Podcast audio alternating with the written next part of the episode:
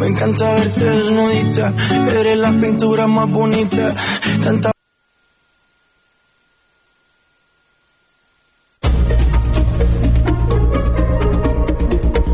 Notícies en xarxa.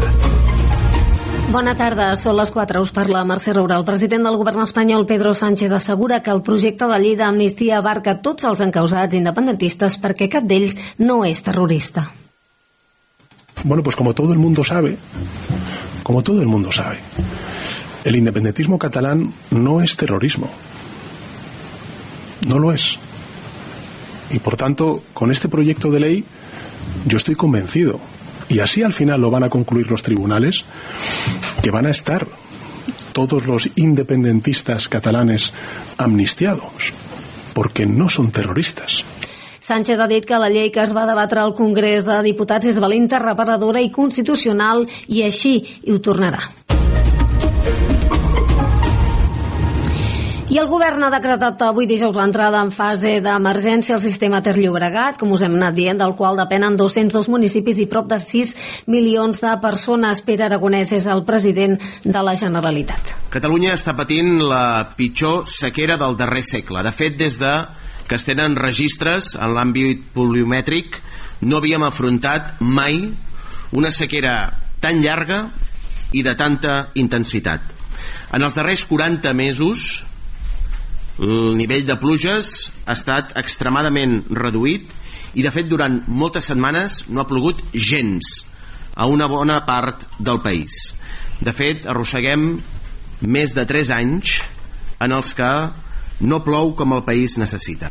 Aquesta que ha començat avui és la fase 1 d'emergència. Se'n preveuen dues més, amb mesures més restrictives que s'activarien si continua sense ploure molt.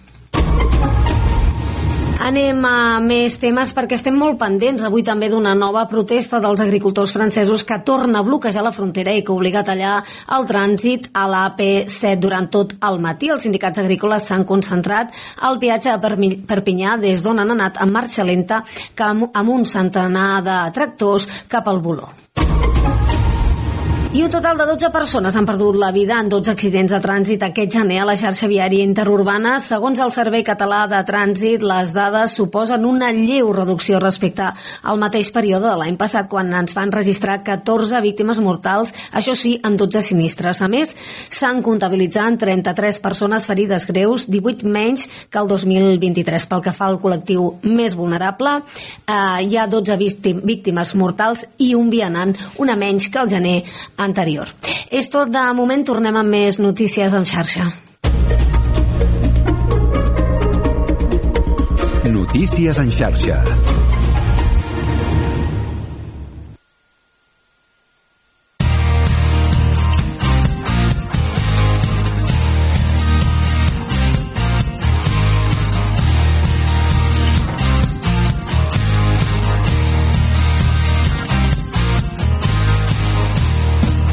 Carrer Major, un programa de ràdio Ciutat de Tarragona, Altafulla Ràdio, Ràdio Montblanc, Ràdio La Selva, Ona La Torre, la nova ràdio de Reus, Ràdio Hospitalet de l'Infant i Baix Camp Ràdio en col·laboració amb la xarxa de comunicació local.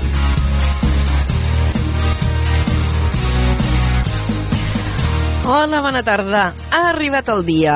El govern ha decretat avui l'emergència a més de 200 municipis del sistema Ter Llobregat amb la previsió que entri en vigor demà divendres. Això afecta a bona part del gruix de la població de Catalunya, 6 milions de persones. I és que l'àrea metropolitana de Barcelona, que és la part més poblada del país, està englobada en aquest sistema Ter Llobregat. La dotació d'aigua es reduirà doncs, a partir d'ara a 200 litres per habitant i dia. I a més, s'endureixen les restriccions als usos industrials i agrícoles que hauran d'estalviar. Hi ha limitacions en algunes piscines.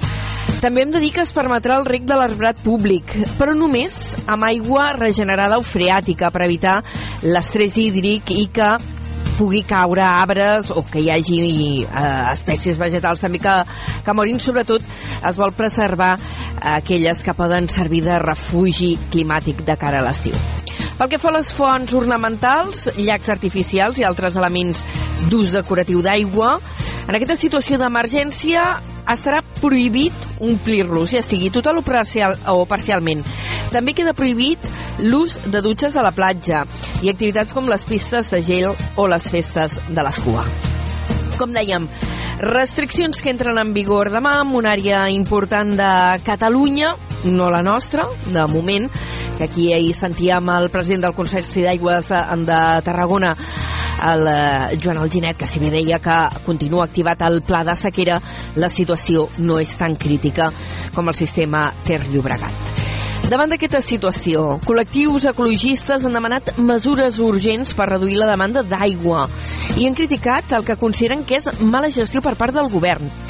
De fet, les organitzacions que han impulsat una campanya que ja fa temps a acabar i de la qual també en vam parlar aquí al programa, una campanya que es diu D'on no n'hi ha, no en raja, han reclamat canviar el paradigma actual basat en subministrar aigua a tots els sectors com si això fos un recurs infinit.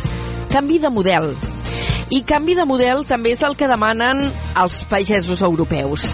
Milers de tractors han bloquejat el barri europeu a Brussel·les per denunciar el malestar del sector agrícola. Gent vinguda de França, d'Alemanya, d'Espanya i d'Itàlia. Els manifestants han cremat pneumàtics i han enderrocat una estàtua a la plaça Luxemburg just davant del Parlament Europeu. De fet, ja fa setmanes que estan creixent les protestes d'agricultors arreu d'Europa pels costos de producció i el temor que les polítiques climàtiques de la Unió Europea repercuteixin en el sector. Aquí ja us ho hem dit, també hi haurà mobilitzacions, ja tenen data fixada.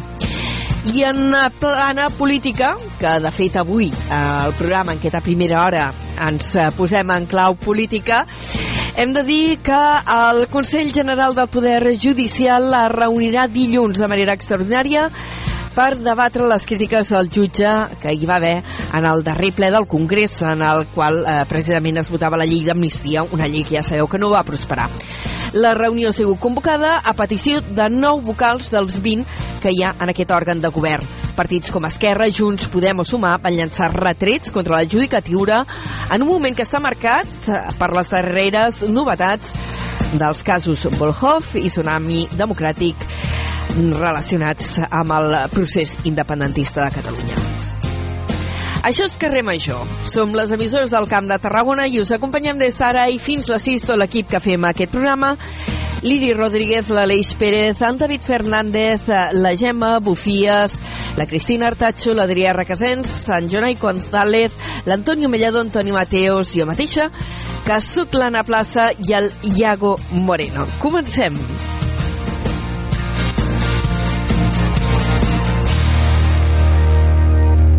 Carrer Major, Anna Plaza i Jonai González.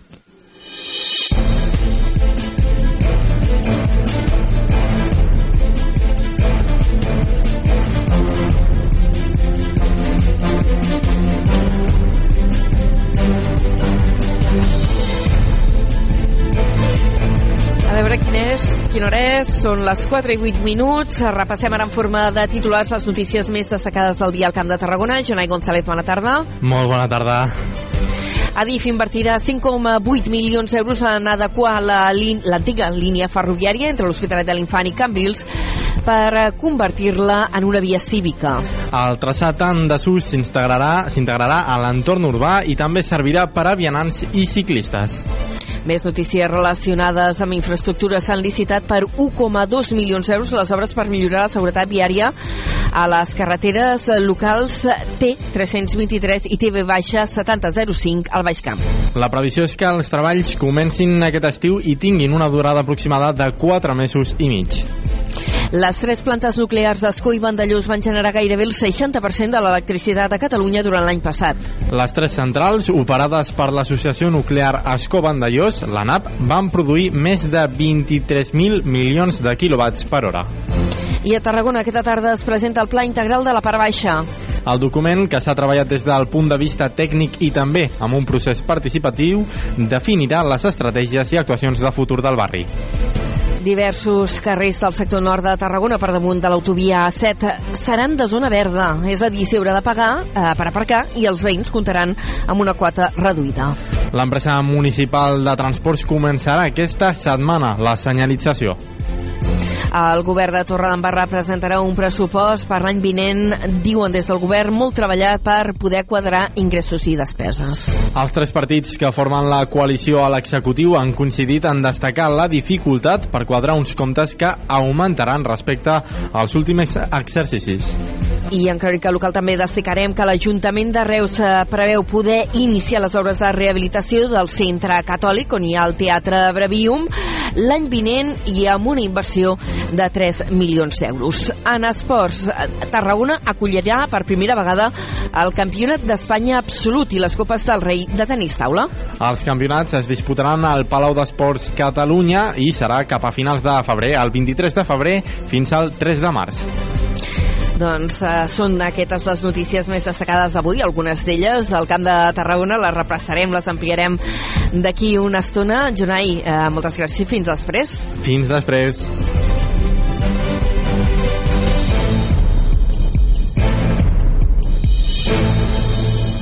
Carrer Major. Toni Mateos.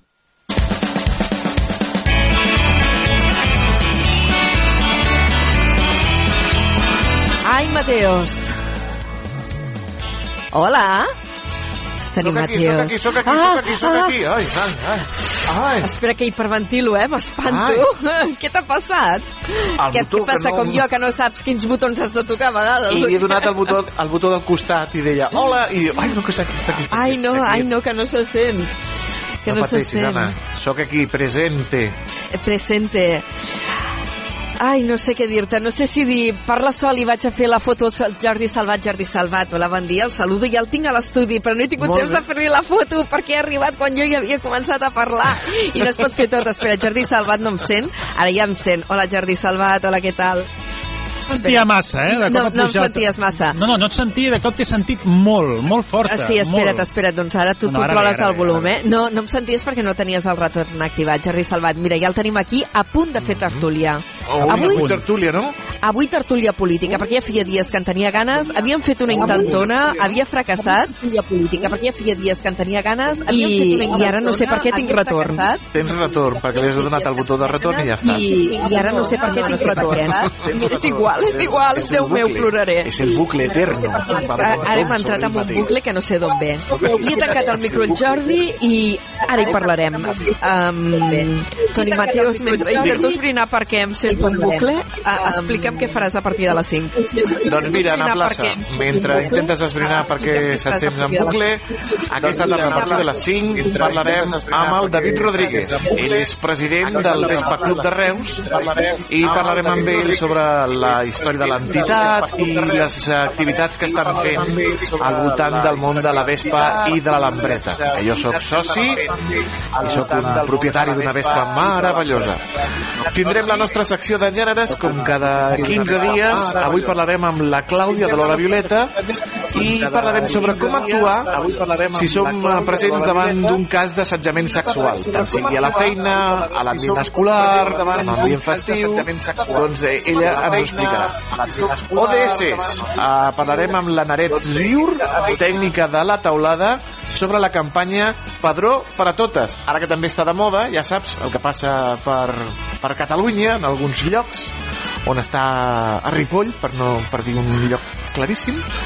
Parlarem d'aquest Padró per a totes. La banda sonora del Camp de Tarragona i la furgoneta, avui una furgoneta esportiva i inclusiva, perquè se n'anirà fins a la Cristina Artacho, fins al Club d'Hockey Vilaseca, per eh, parlar del Sumat a l'hoquei, aquesta fantàstica iniciativa per eh, treballar la inclusivitat.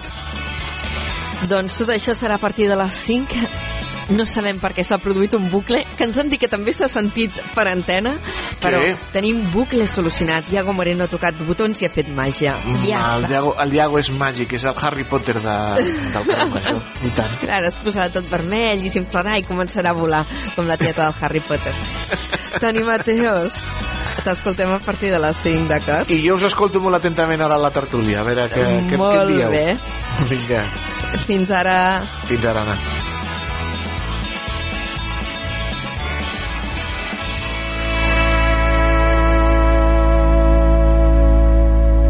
Cada tarda de dilluns a divendres fem parada a Carrer Major.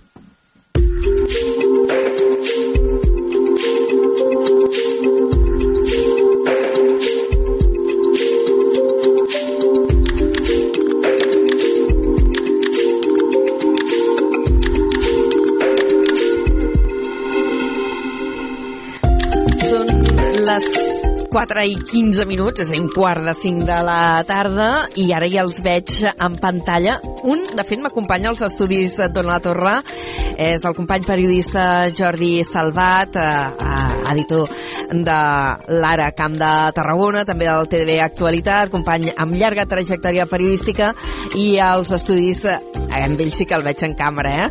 eh el Josep Maria Àries, als estudis de la nova ràdio de, de Reus, també periodista amb una llarguíssima trajectòria a, a les sintonies agudes i per haver de, del camp de Tarragona, entre elles la SER fa molts anys.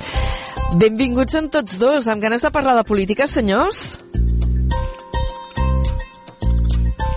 Bona tarda i bon any a tothom. No ho sé, no ho sé. Què vol dir no ho sé, no ho sé? Que no sé si en tinc masses ganes més que res perquè és el dia de la marmota. Ostres, sí. Sí. Sí, sí. No és demà el dia de la, de la marmota? Quan és? No Quan? amb la ca... Demà dia 2? No coincideix amb la Podria calendar, ser, el dia de- podria ser, podria ser. Sí, perquè us anava a Però jo em preguntar... referia al què? tema de Junts, eh? Sí, sí, Sí. el tema de Junts, però és l'any de la marmota i la dècada de la marmota, eh, quasi, quasi. A veure, jo el que tenia ganes de preguntar-vos per començar, us ho veieu venir el que va passar al ple del Congrés de dimarts, que Junts acabaria votant no aquesta llei de l'amnistia, que era una de les seves reivindicacions? Home, jo crec que Junts a vegades segueix una mica eh, l'estratègia de, del Partit Popular amb això dels pagaments en diferit.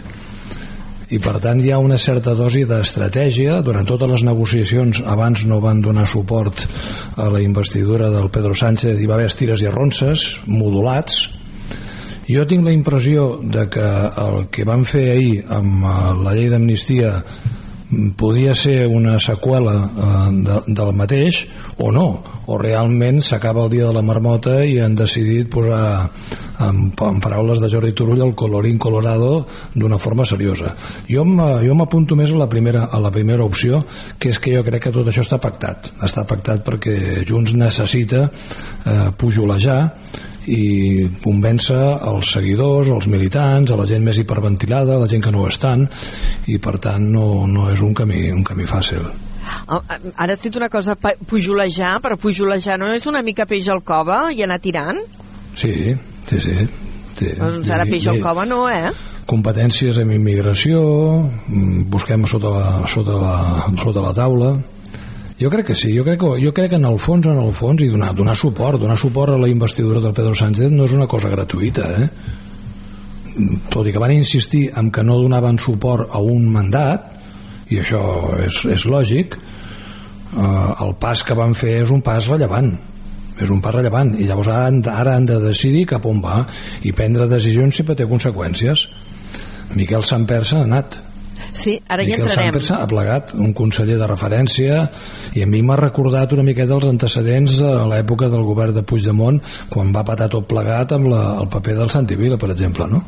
I Mira, per tant aquí les- que tenen un poti-poti de, de, de, de famílies, de mirades i de, i de sensibilitats que, que no són fàcils de gestionar eh? jo des de, des de fora i amb tot, amb tot el respecte entenc que no sigui fàcil de gestionar Ara hi entrarem en tot això de les famílies juntaires. Eh, en Jordi Salvat, en tu què et sembla que, que, el que va passar eh, tot just fa dos dies vull dir, al Congrés de Diputats? Home, d'aquí un any hi ha eleccions al Parlament de Catalunya. I recordem que Pere Aragonès va acabar d'apuntalar una mica el govern que ha d'afrontar aquest recte. Mm, Jo crec que Esquerra esgotarà fins al final, eh? Jo crec que sí. Sí, sí, Esquerra està disposada a arribar al final, és a dir, febrer de l'any que ve, queda un any, un any, eh? I aquest petit retoc, retoc que va fer, doncs, eh, doncs ungint com a vicepresidenta a Laura Vilagrà i incorporant el polidolent de la pel·lícula, que és el, que és el Sergi Sabrià, que eh, ell és especialista en fer aquest paper, ja el coneixem de l'època de porter del Parlament, serà el que li fotrà canya junts. I l'han posat en aquest càrrec de viceconseller, un càrrec una mica estrany, perquè jo no recordo en els governs de Catalunya No. dels últims anys, un, o dels últims Sí, a mi també em dècades, va rebentar un bastant. viceconseller. Sí, sí. Em va rebentar bastant el cap. Sí que pot eh, entrar, pot entrar a les reunions, a les reunions de govern, però no té una no, no és conseller, no té el rang de, el rang de conseller. Uh, uh, Josep Maria, tu que ets una mica més veterà que nosaltres, que ja ho som bastant, uh, a tu et sona això de ser conseller? No, no, no, a més a més us explico una anècdota. Aquest matí, fent un cafè amb un bon amic, li deia que em recorda una mica la figura del mar de Miguel Ángel Rodríguez, no? Sí. Que són aquests personatges ah, sí. que estan entre bambalines, que tenen molt de poder, ara està fent la mateixa feina per la Isabel Ayuso, de la presidenta sí. de la Comunitat de, sí, sí. de Madrid, i realment està fent de poli malo. Jo recordo les declaracions que va fer el Sabrià a TV3 per uh, criticar les crítiques que havia rebut que bueno, eren de nota. Eren de nota de, de diplomàcia és a dir, la, jo suposo que quan va estudiar l'assignatura aquesta de diplomàcia devia fer campana estava al bar, estava al bar. Sí, devia estar al bar, però al bar amb B. Sí, sí, amb no, B, amb B, amb B alta, no, no sí, sí, sí, sí. No amb B baixa, sí, sí. Miquel Àngel Rodríguez, clar, una persona molt estratègica en tot el tema. Anna. Miguel Àngel ai, Rodríguez. Ai, Miguel, Miguel, ai, ai, sí, ai, por favor, por favor. Miguel Àngel Rodríguez. Uh, clar, és d'aquelles personatges una mica Richelieu, allò de poder a l'ombra i movent fils. Sí, com no? en el seu moment David Madí també va fer part d'aquesta feina, no? Sí, però això no ens ha d'estrenar. Redondo, són aquests personatges. Sí, Exacte. en la política hi són, i són en, en, tota, en totes les esferes. Escolteu, I abans, quan, mira... quan parlaves de, de si s'esgotarà la, el, el la mandat, legislatura, jo, sí. L'Aragonès, perquè... la legislatura, el, el Aragonès ho ha dit, perquè jo crec que no només li interessa a Esquerra Republicana, sinó que li interessa molt el PSOE i el PSC i com que és evident que té un cert compromís d'estabilitat a través de, del PSC i dels comuns, si, si més no en el discurs, doncs jo crec que no hi haurà convocatòria anticipada d'eleccions autonòmiques. A, a mi m'ha semblat significatiu avui que amb el decret de, de l'emergència per sequera a la zona del Ter Llobregat eh, he vist una notícia que deia que Salvador Illa havia trucat a Pere Aragonès allò pel que convingui no? amb un tema tan sensible com la gestió de l'aigua que, que no aprofitin per fer sangueta m'ha sobtat Bueno, és que estem davant d'un tem tema molt greu, el de la sequera, eh? I la negativa del govern de la Generalitat de l'aigua de l'Ebre no vindrà a Barcelona. Doncs jo no sé com, ho pensen, com ho pensen resoldre perquè la situació és preocupant i hi ha hagut ja declaracions de sector agrari, sector agropecuari de que això posa en risc certa cadena de, de, de productes d'alimentació i a més a més com resols el dèficit que és kafkià d'inversions quan ja ho sabien fa 4, 5, 6 anys que la cosa, que el carro anava pel Pedregal, no? i per tant jo, de... jo, no, jo no sé com ho resoldran és veritat que tocar l'aigua de l'Ebre és, el, és el sang grial i la gent de l'Ebre estan molt avasats a, a plantar cara no? Jardí Sí, eh, no s'han fet els deures i l'any 2008 vam tindre un avís molt, molt important amb una sequera doncs, pràcticament del nivell d'aquesta Ah, I... que com aquesta no, no hi ha precedents no, registrats, mica... sí, eh? aquesta l'ha superat, l'ha anat superant. I clar, va ser un avís. Estem parlant de fa 15-16 anys ja, eh? 16 sí. anys quasi. Són passa, passa anys. volant. Hi havia un pla per fer doncs, una sèrie de desalinitzadores, se n'han fet només dues, i no, no s'han fet els deures i ara clar mm, doncs els, els, el, el retorn que va és més curt i les sequeres doncs estan repetint de forma més amb un intervalament més curt entre una i l'altra igual que els aiguats Mira, i ara ens trobem això, que al no haver fet els deures sí, l'aigua de, de salinitzadora és més cara però igual ens hem de començar a mentalitzar que l'aigua l'haurem de pagar més cara perquè vivim en un país on no hi ha abundància d'aigua on cada n'hi ha menys i el tema de la neu jo, el tema de la neu jo al·lucino com fa molts pocs anys ens plantejàvem de fer uns, uns Jocs, Jocs Olímpics. Olímpics al Pirineu. Sí, ara està molt calmadet el tema, no? Perquè l'any passat va ser eh, una de les claus de volta a la negociació de pressupostos i enguany ningú en diu res és que cau pel propi pes, és impossible fer uns Jocs Olímpics al Pirineu ara, imagina't, imagina't el 2030 o el 2034 vull dir, encara l'escenari encara serà pitjor. Jo crec que vivim encara eh, eh, captius d'unes inèrcies polítiques de compromisos amb clau electoralista o partidista que no s'aguanten de, de cap de les maneres no? jo penso que la classe política ha de començar a, a, a valorar que aquests errors d'inversions amb el tema de l'aigua com errors en la, o dèficits en la inversió en infraestructures això es paga molt car aquesta és una anomalia, crec jo, de la política a Catalunya i de la política a l'estat espanyol que en altres països de la zona d'Europa no es produeix i es treballa amb molta més previsió i es fan les coses com s'han de fer i no es polititzen i no... també és veritat que hi ha vincles de cert equilibri entre governs i oposicions quan aquí això ja portem una llarguíssima temporada que van a matar de goll no? Mm -hmm. ah, i temes de pactes d'estat n'hi ha, ha un que jo no sé com, com no el veuen venir és el tema de les pensions o sigui, ara, ara està començant a jubilar el baby boom i, i, i en canvi eh, la gent que s'ha entrat al mercat laboral està entrant amb, amb sous molt baixos amb, un, amb molta precarietat i no sé, pensions eh, altes o bastant altes amb i sous baixos, baixes. jo no sé com, com, sí, no com quadrar això, no ho sé Sí. Bueno, amb el tema de l'educació eh? jo penso que l'informe PISA també més enllà de la demagogia que es pugui fer va posar en evidència un, una, un gap que hi ha entre el que tu vols i el que realment es pot fer i s'ha de fer i sobretot amb resultats a la mà tu no pots governar a cop només de desitjos has de governar per donar serveis i satisfacció a la ciutadania no?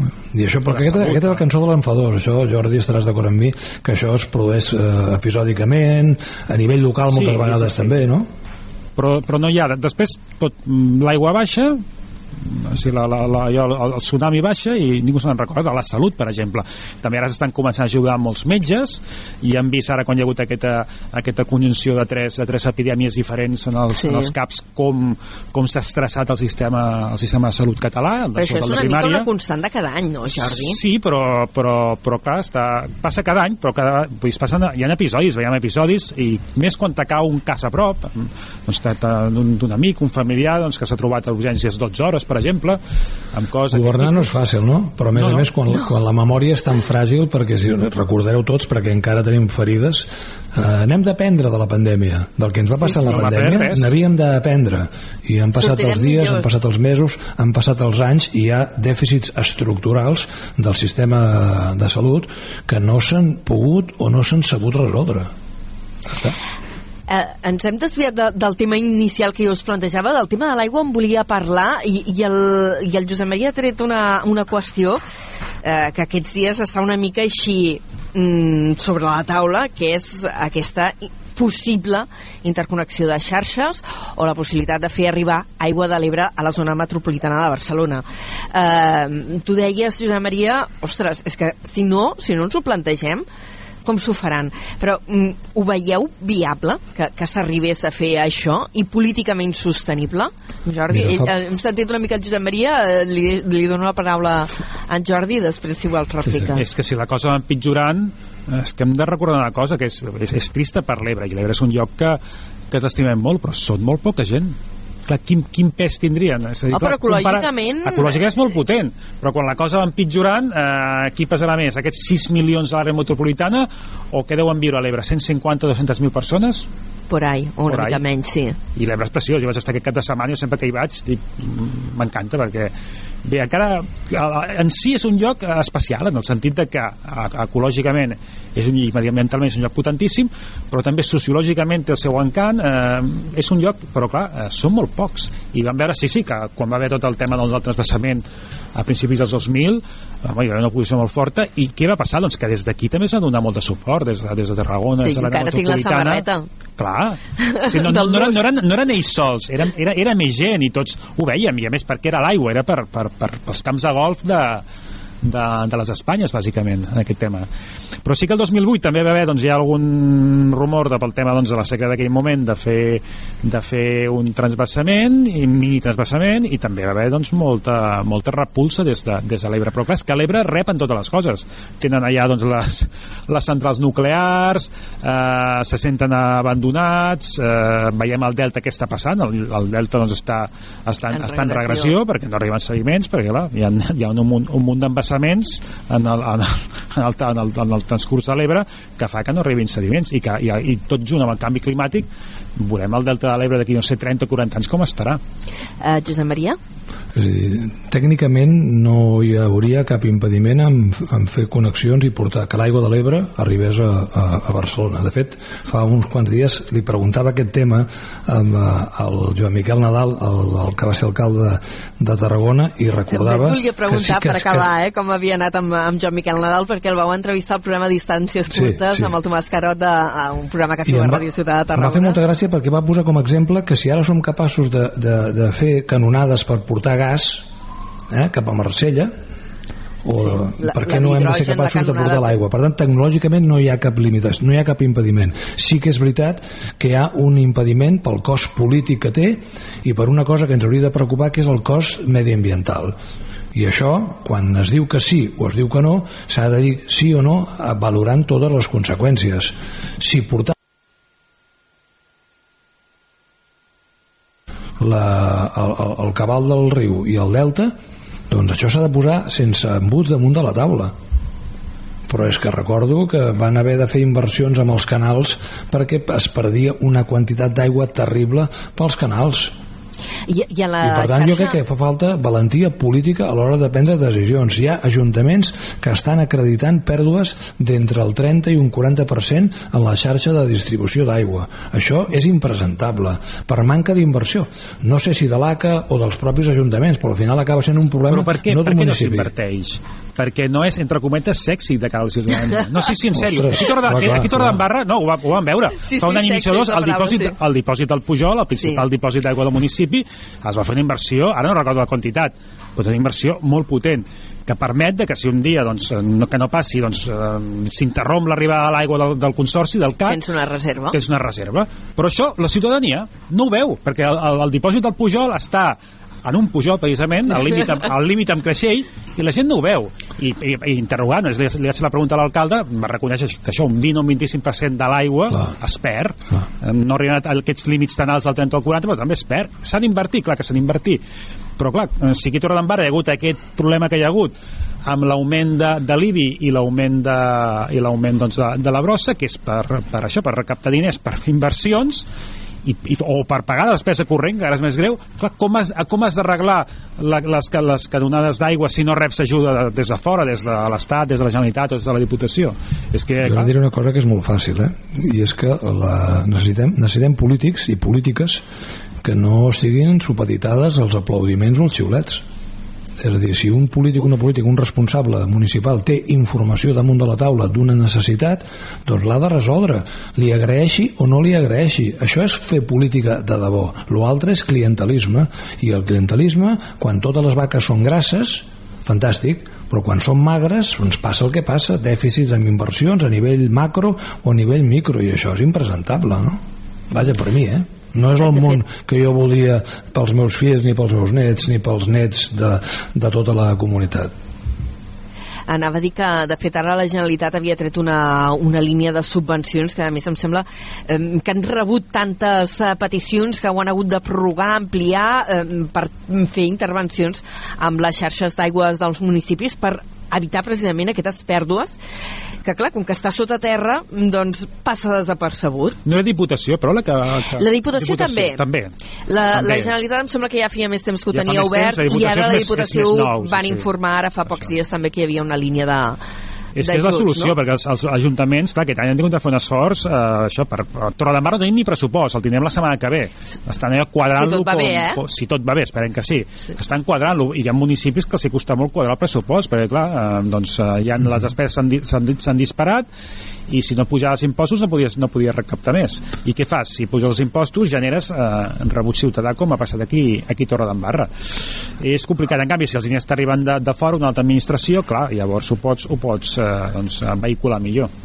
Abans la- l'Anna de forma benèvola quan parlava de, de mi deia que tinc una llarga trajectòria un de, de les característiques Home, de tenir, jo, de doncs tenir una llarga imagina't. trajectòria que vol dir tenir pèl blanc i tenir uns quants anys més que Jo vosaltres també tinc pèls blancs, eh? Sí, però no he perdut la, no he perdut la il·lusió ni l'esperança.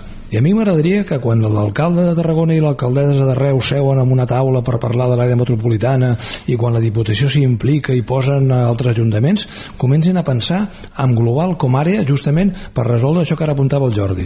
Perquè hi ha necessitats que, que van molt més enllà de la capacitat d'un municipi. I amb això s'ha de, ser, de ser col·laborador i s'ha de tenir una visió global. I la Diputació té, és una de les seves funcions.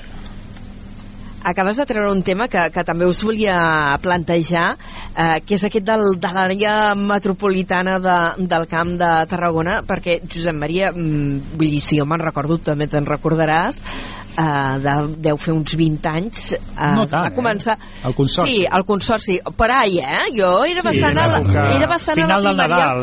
Era El bastant a la primeria de, Camp, comen- de treballar sí. jo, de començar a treballar jo, mm, i això fa uns 20 anys. Bueno, Eh, S'ha d'insistir. Hi ha coses que necessiten maduració. El Consorci del Camp, la Mesa Socioeconòmica del Camp de Tarragona, hi ha hagut moltes però és iniciatives. que n'hem vist molts d'intents Sí, ja. jo tinc, una, jo tinc, tinc la, la sensació, tinc la, només una sensació de que ara han entrat en escena alguns alcaldes d'una generació diferent.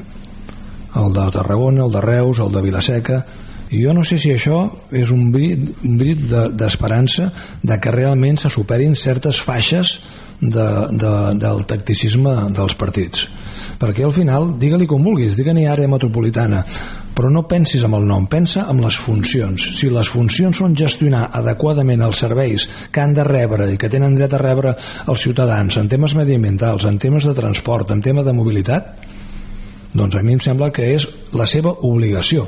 I la Generalitat hauria de convoyar que això arribi a bon, a bon port i que no descarrili a Barcelona quan se'ls hi posen els pèls de punta també al Parlament perquè això pressuposa una pèrdua de capacitat de, govern, de, de governança al territori. Home, en principi, eh, la Generalitat també hi està implicada en aquest procés de definició de... Sí, sí, sí, no ho lidera, però hi està implicada, no? aviam com acaba. Jordi, a tu què et sembla tot aquest procés que s'ha Sí, engegat a ara? mi em recorda molt també, perquè a l'època començava el tema del Consorci del Camp de Tarragona, que en aquella època lideraven doncs, en Joan Miquel Nadal precisament Sí. i, i Lluís Miquel Pérez i sí, es va començar a tirar, es van fer alguns, alguns, algunes actuacions, però de cop va quedar com a, com a, com a Oblidat parat. completament. A Oblidat més- un calaix. La seu institucional estava a Vilaseca, al carrer del Patró, on també hi ha les dependències de, eh, de l'oficina de turisme, i, i jo ho recordo, eh, encara recentment veure el cartellet indicador, allò de Consorci del Camp de Tarragona, i penso, mmm, cri-cri, saps? Perquè en aquella època el president de la Diputació era Regio Poblet. Mariner Ah, ja no ho recordo. No, Era Mariner Josep ja no, Mariner. eh, diria que no. Sí, encara? No, No, sí, no Mariner sí, diria sí. Que no, que ja era, ja era Regio. No, no, era el mariner perquè van No fer la, ser. la Constitució, la Constitució es va fer al Palau Bufarull de, Ho de Reus recordo. amb l'assistència de la tira de- d'alcaldes i és veritat que els impulsors fonamentals eren l'alcalde de Tarragona i el de, i el de Reus. Potser va ser prematur, potser encara pesava massa a les guerres de campanar i jo crec que ara estem en una altra generació i amb unes altres necessitats, amb unes urgències que a aquella època no ens podíem ni imaginar. No ens ho podíem Ah. ni imaginar. Josep Maria, d'aquesta qüestió li vau preguntar al Joan Miquel Nadal en, a, en aquesta Sí. entrevista que li vau fer ara fa pocs Sí. dies a Ràdio Ciutat. Sí. Què, què us va dir? No, ell, ell parla dels serveis. Ell fa autocrítica, en el, en el cas del Consorci, diu que potser era massa una olla de grills, Home, hi havia moltíssima I gent, era- i era tothom. era, molt difícil. Bueno, però, bueno, escolta'm, eh, eh, de tot, dels errors també se n'aprèn, no? I ell posava el focus en el que estan dient altra gent d'altres generacions més joves, que és en, en els serveis. El que volem fer, per què servirà? Per què servirà? Quins beneficis tindrà el ciutadà? no ha de ser una col·locadora de càrrecs ni, ni, ni marcar perfil aviam qui, qui, qui té més poder si es fa així, si s'aconsegueix així jo em penso que es poden trobar fórmules, fórmules adequades. Entre altres coses perquè les necessitats continuen existint. I ara estem convivint amb generacions que s'han mogut al, en el territori en el Camp de Tarragona per qüestions de, de formació a la universitat per qüestions d'oci i per tant aquesta és la realitat la mobilitat. No pot ser que els autobusos de Tarragona no puguin entrar a Reus i els de Reus no puguin entrar a Tarragona. No pot ser que hi hagi concessions amb companyies que són concessions draconianes que ara estan a punt de caducar i que Sí, cal que algú prengui mesures. Amb quin objectiu? No de que una empresa es guanyi la vida, que a mi em sembla totalment lícit, sinó que la ciutadania tingui un servei de transport públic com Déu mana, perquè si no, com pensem descarbonitzar i treure cotxes de, de, del carrer, no? És que no, jo crec que no s'han cregut, eh, el tema doncs, del transport públic al, al Camp de Tarragona. Home, amb el projecte del Tramcamp, que per cert té una entrevista demanada al Departament de Territori cri-cri també, vull sento grills allò de, del temps que fa que vaig demanar l'entrevista per parlar del trencamp i que encara, encara m'han de tornar a resposta i he d'insistir, no? no? Teòricament això hauria de suposar un canvi bastant important de paradigma, no? Home, jo crec que seria la, jo la, la, la pedra de toc, vull dir, un tramvia que unís els principals nuclis de població del Camp de Tarragona, home, seria un, un pas important, però també pensem en els nuclis una mica més allunyats, com Torredembarra mateix, tenim la línia de costa, ja entrem en el debat de, la, del, de per on han d'anar les mercaderies, Uf. si per l'interior, si, per, si per la línia de costa, eh, clar, és que no només és allò al centre del Camp de Tarragona, és a dir, Tarragona, Reus, Cambrils, Vilaseca, Salou, no, no, és que és més, és Valls, Torredembarra, Montblanc, ara amb el túnel, amb el túnel de sí? és, és que clar, Montblanc està aquí mateix, i Montblanc eh, és una ciutat que hem de, que hem de un, un nucli, una població que hem de, que hem d'estar atents, però és més en cap, l'Hospital de l'Infant, és, és que tenim, tenim això, tenim una, una, una conurbació urbana important eh, aquí a, a Baix Penedès eh, Cunit vol separar-se de, és una de la mica província part, de Tarragona, eh? eh? El Baix Penedès, Penedès. s'està convertint en una, món una mica part, i ja, històricament potser ho és, perquè a vegades miren més cap a Barcelona que cap a Tarragona i miren més cap a Vilafranca, però ara fins i tot amb la nova divisió eh, territorial de la Generalitat, no? que ja està obrint moltes seus al Penedès, etc. No? Teniu aquesta sensació no, de parlant, que... És que estem parlant de, de més de 7.000, jo crec que són els 115-120.000 habitants la, Sí, el Baix sí. Penedès, una població eh, important, eh, i creixent, eh, i hi ha molts problemes. Ara veiem com la, hi haurà l'ampliació de l'Hospital de l'Hospital del Vendrell, que també és una infraestructura d'aquelles que es va inaugurar i pràcticament ja va quedar, ja va quedar petita només els primers, els primers anys, però i la mobilitat també és a dir, el, el, el Vendrell mira molt més a Barcelona que a Tarragona però... Pues normal, és normal, és a dir, al final les administracions teòricament han d'estar al servei dels ciutadans i, i la- i l'organització administrativa no pot estar eh, enfaixada per no sé quin projecte decimonònic és a dir, quan De parlem de municipis, quan parlem de comarques, quan parlem de projectes de vegueria, s'ha de ser realista. Jo penso que s'ha de deixar el- s'han de deixar els sentiments a banda, no oblidar-los, però s'ha de tenir més neurona que no pas testosterona. I, Ah. I per tant no t'estanyi que a Cunit busquin l'escalf dels municipis amb els que tenen més proximitat eh, econòmica, social I entre Garraf, coses Garraf, sí, sí, el Garraf. exacte, exacte vull dir, això és, és, que és, és, és lògic és lògic. Senyors, eh, són les 4 i 41 minuts. Jo us havia convidat per parlar, jo pensava que estaríeu encesos amb tot el tema del procés judicial, del tsunami democràtic, eh, del cas Volhov, que em sembla una mica pel·li d'espies, gairebé, eh, i ens hem acabat de, derivant, que ja m'agrada, eh, també, amb temes que ens toquen més a prop de, del territori, com és tot el tema de la gestió de l'aigua, tenint en compte que demà ja entra en vigor la- l'emergència per sequera a la zona del Ter Llobregat i ja veurem com repercuteix això eh, als que depenem de, de l'aigua de l'Ebre i, i res, també parlant d'aquesta organització territorial eh, per cert, Josep Maria eh, que abans Digue'm. parlàvem de tot el tema del transport eh, has provat ja la ganxeta? encara no no, però avui m'han donat- avui m'han passat dades he tingut Ah, què dius? l'oportunitat de parlar amb, amb, amb gent de l'empresa municipal que ho gestiona Sí. i estan, em sembla que m'han dit i això potser és una exclusiva no sé si tenen mil abonats ja Carai, però I era quants, ahir, en no? quants dies? Re, ahir, em Ahir Fa sembla. una setmana sí. mil abonats No, no, ho van, ho van presentar dilluns i em sembla que Sí. dimarts era que entrava ja allò, vinga, va, funciona. Sí, sí, no, i a, a, Però estan, podies donar d'alta a- abans, a- no? a- No sé, estan això. a la cinquantena o una mica més, entre 70 i 80 serveis dia, cada dia que per ser una cosa incipient, que a més a més són carrils bici que conviuen amb, amb la circulació de vehicles, això és un apunt de l'esperança. Ara, això és lent, no és fàcil, eh? No és fàcil perquè els conductors i les conductores es queixen cada vegada que veuen una bicicleta, no? Mm, jo que vaig Però vaja, no, jo, jo encara no he provat, ho vull fer, eh? Ho vull fer perquè, a més a més, ja sabeu que jo sóc ciclista de, de mena de fa molts anys i sóc un autèntic enamorat de la, de la bicicleta i em penso que serà un, un bon servei. Ara, cal vetllar també pel, pel coneixement de, dels conductors i de les conductores de, dels vehicles, s'ha de conviure.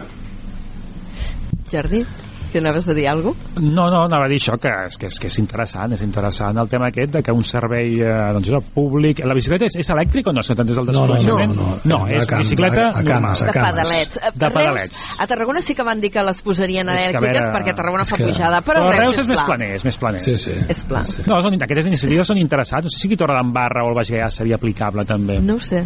Jo tinc el privilegi, eh, mira, amb aquest comentari una mica poca solta, eh, acabem, uh, jo que sóc de Vilaseca, a Vilaseca hi ha molts carrils bicis, i sempre he pensat que hi ha contribuït moltíssim el fet que Javier Ferriol, tinent d'alcalde i havia sigut vicerrector també de la universitat, ell va en bicicleta a tot arreu, i la dona de l'exalcalde Josep Poblet també va en bicicleta a tot També. arreu. I jo crec que això ha marcat una sensibilitat especial al meu poble. Dit això... S'ha de predicar amb l'exemple. Jo, No sé, l'Eduard saps que- Rovira i el Valepino van no molt sé, amb... no Ah, sé. jo us he de deixar a tres quarts en punt, Sí, eh? Ja ho saps, i eh? nosaltres sap tenim greu, un eh? informatiu. No, no, no, jo us acomiado també, perquè tinc un informatiu per fer. I del que deies abans de, de, del cas Volhoff, les clavegueres sempre fan pudor. Ja. Però en fan, últimament ne fan molta, eh? Ah, ara se m'animareu Quan a parlar d'això. la merda, va. encara fa més pudor. Surt, va pujant la pudor, sí, sí. Senyors, ha estat un plaer tenir-vos aquí. Hem acabat parlant d'altres coses diferents de les que tenia previstes, però igualment interessants. Uh, moltes, Moltes gràcies i gràcies. fins la pròxima. Fins la pròxima. Bona, Adéu-siau. bon cap de setmana a tothom. Adéu. Igualment. Adéu-siau. Adéu. Carrer Major, al Camp de Tarragona, des de ben a prop. Quarts en punt de 5 de la tarda i ens queden uns 12 minuts eh, per, eh, per anar per repassar les notícies del dia. Comencem explicant-vos que Adif invertirà 5,8 milions d'euros en l'adequació de l'antiga línia ferroviària entre l'Hospitalet de l'Infant i Cambril per convertir-la en una via cívica. El traçat en desús s'integrarà a l'entorn urbà i servirà per a vianants i ciclistes. Jonai González, bona tarda de nou. Bona tarda de nou. S'executaran encreuaments per acabar o reduir l'efecte barrera de la via i s'adequaran les dimensions d'alguns passos inferiors. L'entorn de les antigues estacions s'adaptarà com a zones de descans amb la instal·lació de mobiliari urbà i senyalització. Tot això forma part de la primera fase que engloba un tram de 19 quilòmetres. En una segona fase s'intervindrà en el tram de 8 quilòmetres que va des de la Riera del Forja a Cambrils fins a la nova estació ferroviària de Portaventura i en bona part d'aquest tram està previst que la Generalitat hi faci el tren tramvia del Camp de Tarragona.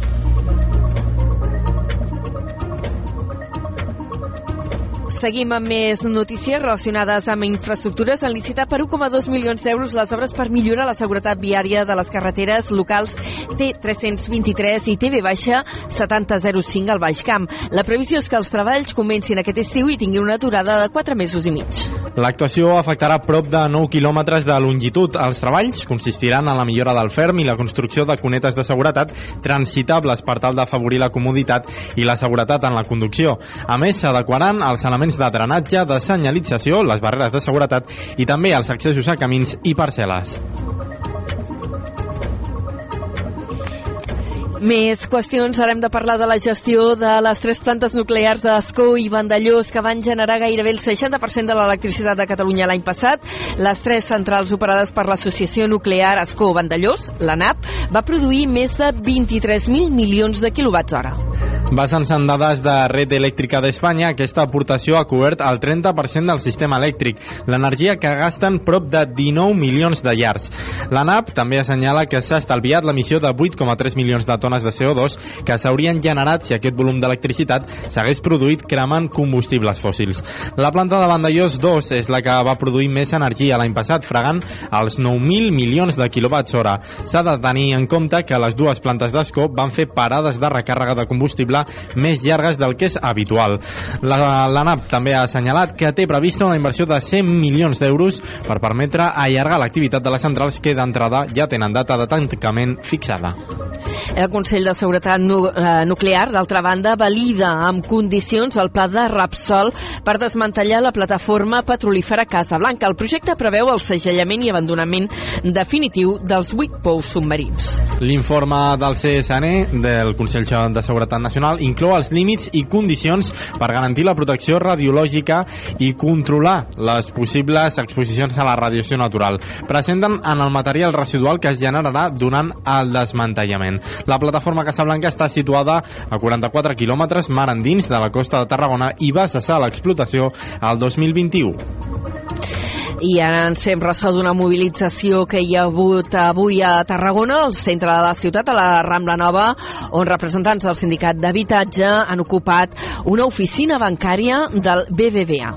Segons s'explica el sindicat, el motiu és que el banc tindria previstos dos desnonaments als barris d'Icomar i de Sant Salvador en les pròximes dues setmanes. Ens ho explica des de Ràdio Ciutat de Tarragona, l'Adrià Tella. Concretament, el 8 de febrer realitzaria el desnonament de la família de Mohamed a Icomar, mentre que el 15 del mateix mes està programat el de la família de la Fàtima a Sant Salvador. Per aquest motiu, des del sindicat d'habitatge han decidit entrar a l'oficina bancària del centre de la ciutat exigint la suspensió immediata dels dos desnonaments sense nova data, així com l'obertura d'un canal de negociació entre la propietat i el sindicat per aconseguir una solució definitiva per les famílies. Han entrat al BBVA amb pancartes on es podia llegir per Carnaval, desnonar no s'hi val o BBVA desnona i especula.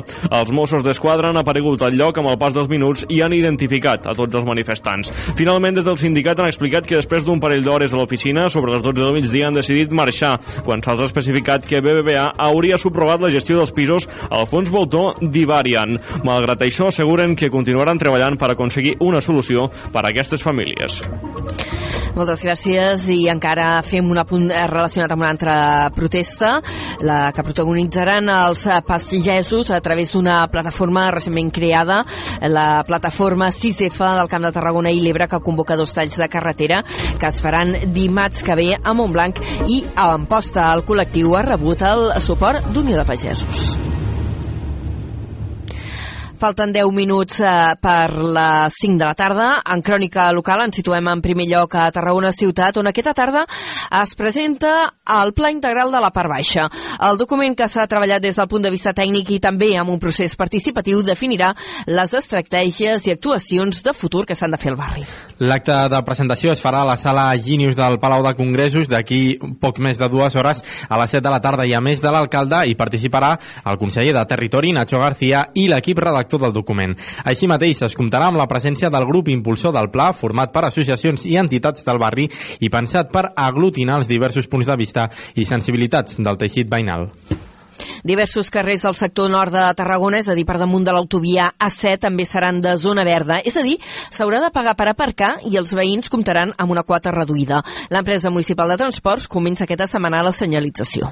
La previsió és que les 350 noves places entrin en funcionament durant el mes de març. Entre els carrers que seran de zona verda hi ha Sant Eulogi, Fèlix Ferrer i Galceran, Joan Antoni i Guàrdies. Les persones residents del sector nord poden sol·licitar la condició de resident en l'àrea regulada en zona verda partir del pròxim dilluns 19 de febrer i els tràmits es podran realitzar en centre d'atenció al client de l'EMT. Per cert, han destrossat els parquímetres de Joan 23 que tot just avui començaven a funcionar a Tarragona. En concret, aquest dijous han aparegut destrossats a cops de martell els panells solars que alimenten les màquines de pagament mitjançant energia fotovoltaica. Tots ells han estat localitzats al voltant del centre sociosanitari Francolí. La maquinària serà reposada aquest mateix dijous per part de l'empresa municipal de transports. Anem ara cap a Reus. Les obres del centre catòlic, on hi ha l'històric teatre Bravium, costaran prop de 3 milions d'euros. La rehabilitació de l'equipament cultural s'iniciarà l'any 2025. Des de la nova ràdio de Reus ens ho explica la Laura Navarro. Després d'haver arribat a un acord amb l'Església el passat mes d'octubre, l'Ajuntament de Reus es farà càrrec de les obres del Centre Catòlic al costat de la Diputació de Tarragona, encara que no s'ha concretat els diners que hi aportaran. L'execució total de les obres rondarà els 2,7 milions d'euros. El nou equipament es destinarà a potenciar les arts escèniques i s'ocuparà d'aspectes com la creació i producció de nous espectacles. Entre d'altres hi haurà espais de treball, d'assaig, de formació i de residència per les companyies d'arts escèniques. Daniel Requesens, regidor de Cultura de Reus. Sabeu que tenim eh, dos equipaments escènics públics com són el Teatre Fortuny i el Teatre Bertrina, però això el que fa és que són espais molt, molt, molt ocupats, de manera que bona part del que no és exhibició difícilment té cabuda en els espais. Les obres s'iniciaran el 2025 i es preveu que durin dos o tres anys, tot i que encara no s'ha concretat el termini d'execució. I anem ara a Torre d'Embarra, on el govern municipal eh, presentarà un pressupost eh, de, per enguany eh, molt treballat, diuen, per poder quadrar ingressos i despeses. Els tres partits que formen la coalició a l'executiu han coincidit en destacar la dificultat per quadrar uns comptes que augmentaran respecte als últims exercicis. Des d'Ona la Torre ens ho explica en Josep Sánchez. L'alcalde Eduard Rovira ha explicat que van fer un esborrany de despesa molt ajustat per tal de fer que l'augment d'impostos i taxes fos el més moderat possible. També ha normalitzat el fet d'estar ara mateix en pressupostos prorrogats, una situació que es produeix en moltes administracions i que ja s'havia donat a Torredembarra en altres ocasions, la darrera el 2022. Els ingressos s'havien de polir en funció d'allò que teníem com a esborrany de, de despesa i aquí hi ha hagut doncs això, un esforç a l'hora de confeccionar les ordenances fiscals per, per, per el resultat que, que tots sabem d'un augment del, de l'IBI i un augment de la taxa de la brossa i a partir d'aquí doncs, tancar els pressupostos de despesa corrent i d'inversió el pressupost de l'Ajuntament de Torredembarra per al 2024 es debatrà previsiblement en un ple extraordinari dijous de la setmana vinent, 8 de febrer. Prèviament, el dilluns dia 5, l'equip de govern presentarà la seva proposta de cara als comptes d'aquest exercici. I l'Ajuntament d'Altafulla contractarà un servei per planificar i coordinar la programació de la Violeta a través d'un procediment públic obert. Es vol que a partir del pròxim trimestre ja es pugui definir una programació estable en aquest equipament municipal. Ens n'amplia la informació des d'Altafulla Ràdio, la Carol Cubota. L'Ajuntament d'Altafulla treballa a la redacció del plec de clàusules que ha de regir el contracte menor que ha de servir per contractar un nou servei que es faci càrrec de planificar, coordinar i programar allò que s'esdevingui al casal municipal La Vileta. Hi haurà, doncs, un nou servei que assumirà aquestes tasques de tipus professional i lligades a la regidoria de cultura, com explica la regidora de l'àrea, Gemma Maimú. Un contracte de serveis que es tramitarà per procediment obert, simplificat, abreujat, no? per doncs, buscar la persona, l'empresa doncs, que ha de fer les funcions de planificació, coordinació i programació del casal de la Violeta. La idea és que aquest plec de condicions i aquesta oferta surti publicitada aquest mes de febrer. Com assenyala Maimó, s'estan ultimant els detalls tècnics i administratius que han de regir el contracte i s'espera que aquests estiguin disponibles durant el mes de febrer perquè hi opti de manera lliure qui desitgi oferir el servei. La idea és comptar amb una programació estable a partir del pròxim trimestre.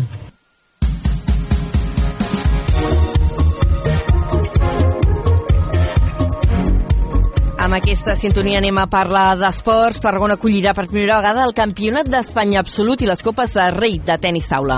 Els campionats es disputaran al Palau d'Esports Catalunya entre el 23 de febrer i el 3 de març. Des de Ràdio Ciutat de Tarragona ens ho explica l'Adrià Tella. L'Ajuntament d'Altafolla treballa a la redacció del plec de clàusules que ha de regir. Tarragona es convertirà en el centre neuràlgic del tenis taula nacional del 23 de febrer al 3 de març, acollint per primera vegada en la història el Campionat d'Espanya Absolut. El Palau d'Esports Catalunya de l'Anella Mediterrània serà l'emplaçament on tindrà lloc i no tan sols el Campionat Absolut. La ciutat també viurà les Copes dels Reis de tenis taula a més del torneig estatal. D'aquesta manera reuniran a Tarragona més de mil palistes en el que ha de ser una festa d'aquest tenis taula nacional durant més d'una setmana. El torneig estatal donarà el tret de sortida a aquests 10 dies de competició.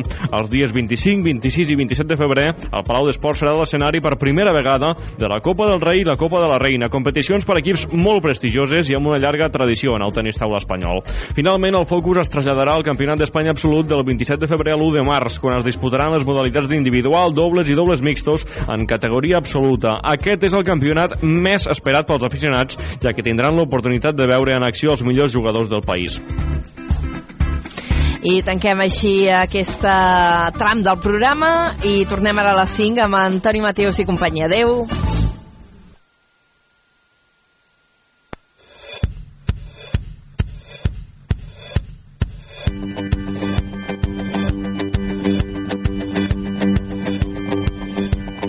Sigo buscando una sonrisa de repente en un bar, una calada de algo que me pueda colocar, una película que consiga hacerme llorar.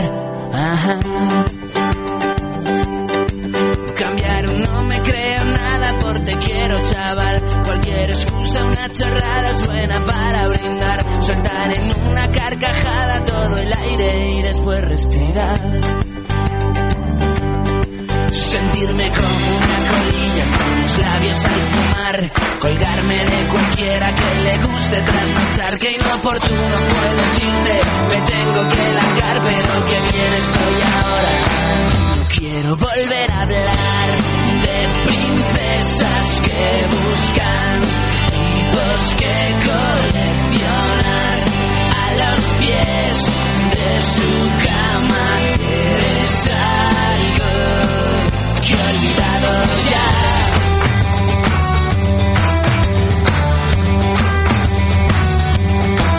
Ando silbando, me paro con la gente a charlar. Me tomo algo, sonrío y me lo vuelvo a tomar. Escucho música y me pongo a bailar.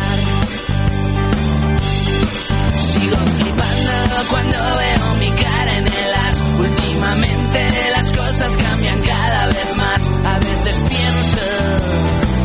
Algo malo viene detrás. Me siento como una colilla con los labios al fumar. Me cuelgo de cualquiera que le guste trasnochar. Que inoportuno fue decirte, me tengo que largar, pero que bien estoy ahora. Quiero volver a hablar de princesas que buscan tipos que coleccionar a los pies de su cama. Eres algo quiero volver a hablar de princesas que buscan tipos que coleccionar a los pies de su cama. Eres algo que he olvidado ya. Sigo buscando una sonrisa de repente en un una calada de algo que me pueda colocar, una película que consiga hacerme llorar.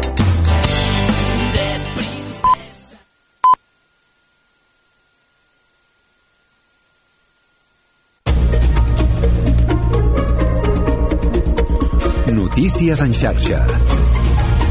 Bona tarda, són les 5. Us parla Mercè Roura. El president del govern espanyol, Pedro Sánchez, assegura que el projecte de llei d'amnistia abarca tots els encausats independentistes perquè cap d'ells no és terrorista. I per això descarta fer-hi els canvis que demana Junts per Catalunya. Sánchez ha assegurat que la llei d'amnistia s'ha d'aprovar perquè serà un pas definitiu pel retrobament amb Catalunya. S'ha mostrat convençut que, tal i com està redactada, ja cobreix tots els encausats independentistes perquè l'independentisme no és terrorisme. Bueno, pues como todo el mundo sabe, como todo el mundo sabe, el independentismo catalán no es terrorismo. No lo es. Y por tanto, con este proyecto de ley, yo estoy convencido, y así al final lo van a concluir los tribunales, que van a estar todos los independentistas catalanes amnistiados, porque no son terroristas. Sánchez ha dit que el projecte de llei que es va debatre dimarts al Congrés és valent, reparador i constitucional i que així tornarà, per tant, el descarta esmenar-lo com demana Junts. La templanza en cuanto a la contención para tratar de llegar a un acuerdo y también la firmeza de saber que todo lo que hemos avanzado hasta ahora, incluso para este partido político que ha votado a favor en cuatro ocasiones de este proyecto de ley de amnistía, es lo suficientemente riguroso y sólido para lograr eh, el objetivo que nos habíamos marcado y es efectivamente acabar eh, con eh, superando ese horizonte judicial eh, que causó el año 2017. Ho ha dit en una compareixença a Brussel·les després de participar en el Consell Europeu. I recordem, el govern ha decretat aquest dijous l'entrada en fase d'emergència del sistema Ter Llobregat, del que depenen 202 municipis i més de 6 milions de persones. Aquesta és la fase 1 d'emergència, que es preveuen, se'n preveuen dues més, a mesures més restrictives si eh, acaba no plovent com s'espera. El conseller d'Acció Climàtica, David Mascort, ha dit que vindran temps vertiginosos i si no plou es manté la possibilitat de portar aigua en vaixell a Barcelona. I més temes, eh, parlant de Barcelona, avui a la ciutat s'ha desnonat una veïna de 78 anys que vivia al barri gòtic per l'impagament de 177 euros d'unes obres. Després de setmanes de negociació amb la nova propietat de l'immoble, no s'ha arribat a cap acord i ara la inquilina s'allotjarà temporalment en un hotel. Blanca Espinosa, es diu així, portava 55 anys vivint al seu pis. I un apunt perquè Ràdio Arenys i Josep Genescà han estat guardonats amb els Premis de Ràdio Associació. Ho destacarem en propers butlletins informatius amb més notícies en xarxa. És tot de moment. Gràcies. Notícies en xarxa.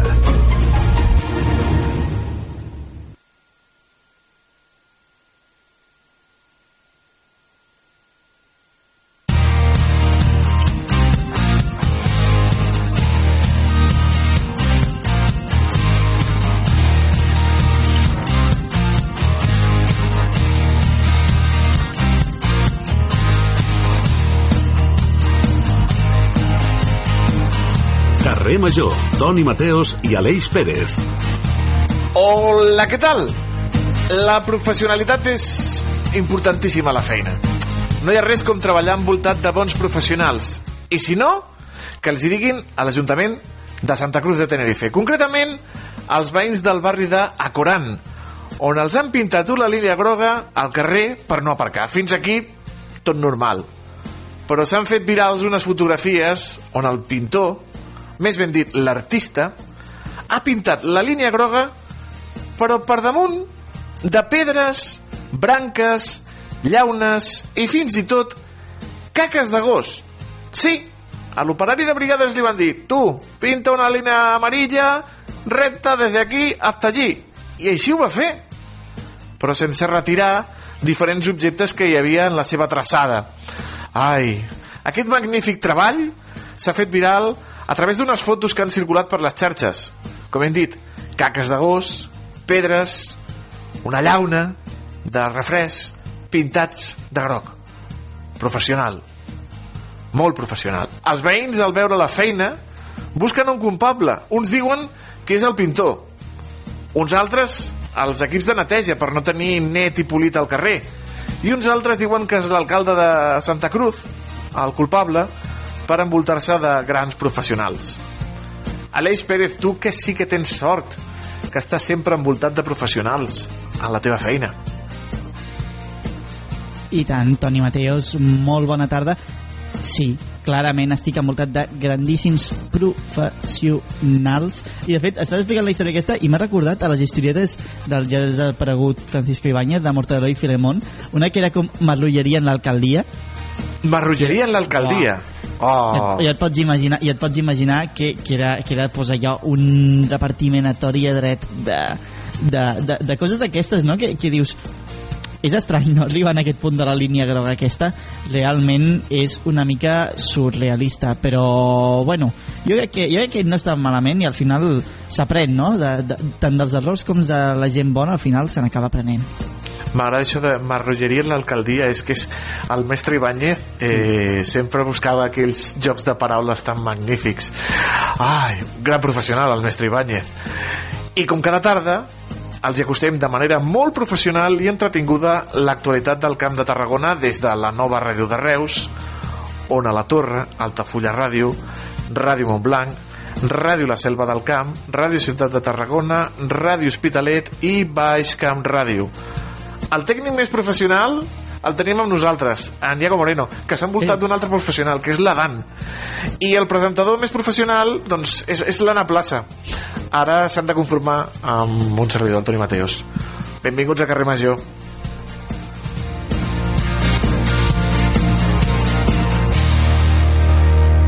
Les realitats del Camp de Tarragona a Carrer Major.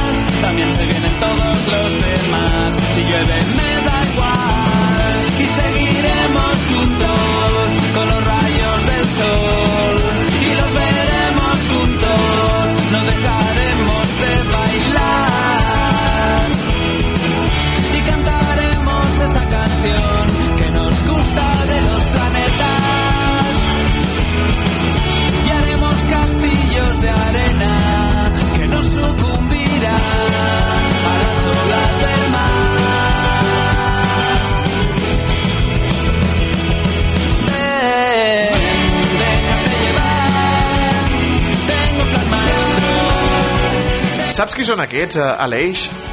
Uh, no ho sé, fent referència a los planetes, o sigui que els descarto los planetes. No, no són els planetes. No. Són grans admiradors del planeta, de los planetes i de la música pop del Camp de Tarragona. Ah. En quin mes, quin, quin mes hem estrenat? Al febrer, no? Al febrer. Després d'un gener com etern, no t'ha semblat com molt etern? Oh, molt llarg, molt llarg, sí, sí i, i hi ha una cançó de, que, que hem parlat aquest matí amb el Rafa Olmo, el cantant del Greco que es diu Puto Enero. I doncs és el mes de febrer i aquests són Febrero. El grup tarragoní eh, de música pop que es van posar molt i molt de moda i que van triomfar a, a, arreu de, de l'estat espanyol. Però qui sap més d'això és el David Fernández el nostre expert en bandes sonores del Camp de Tarragona al qual saludem molt aviat aquesta tarda perquè estem patint amb el nostre primer convidat.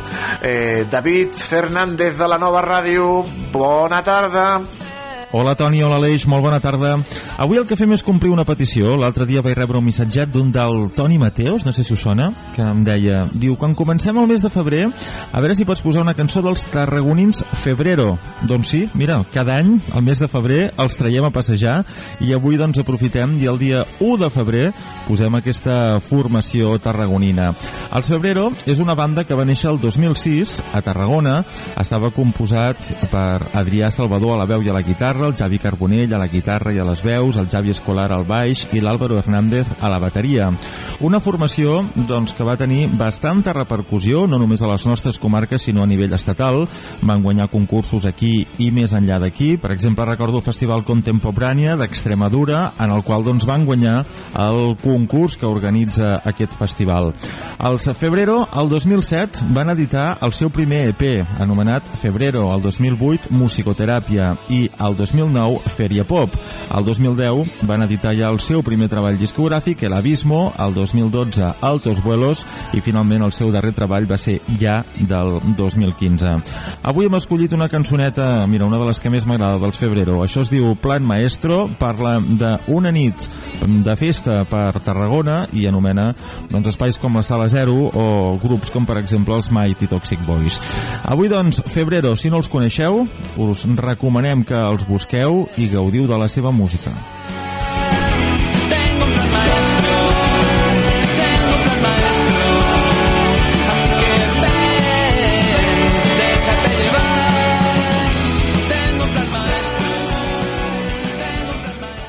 Carrer Major, al Camp de Tarragona, des de ben a prop.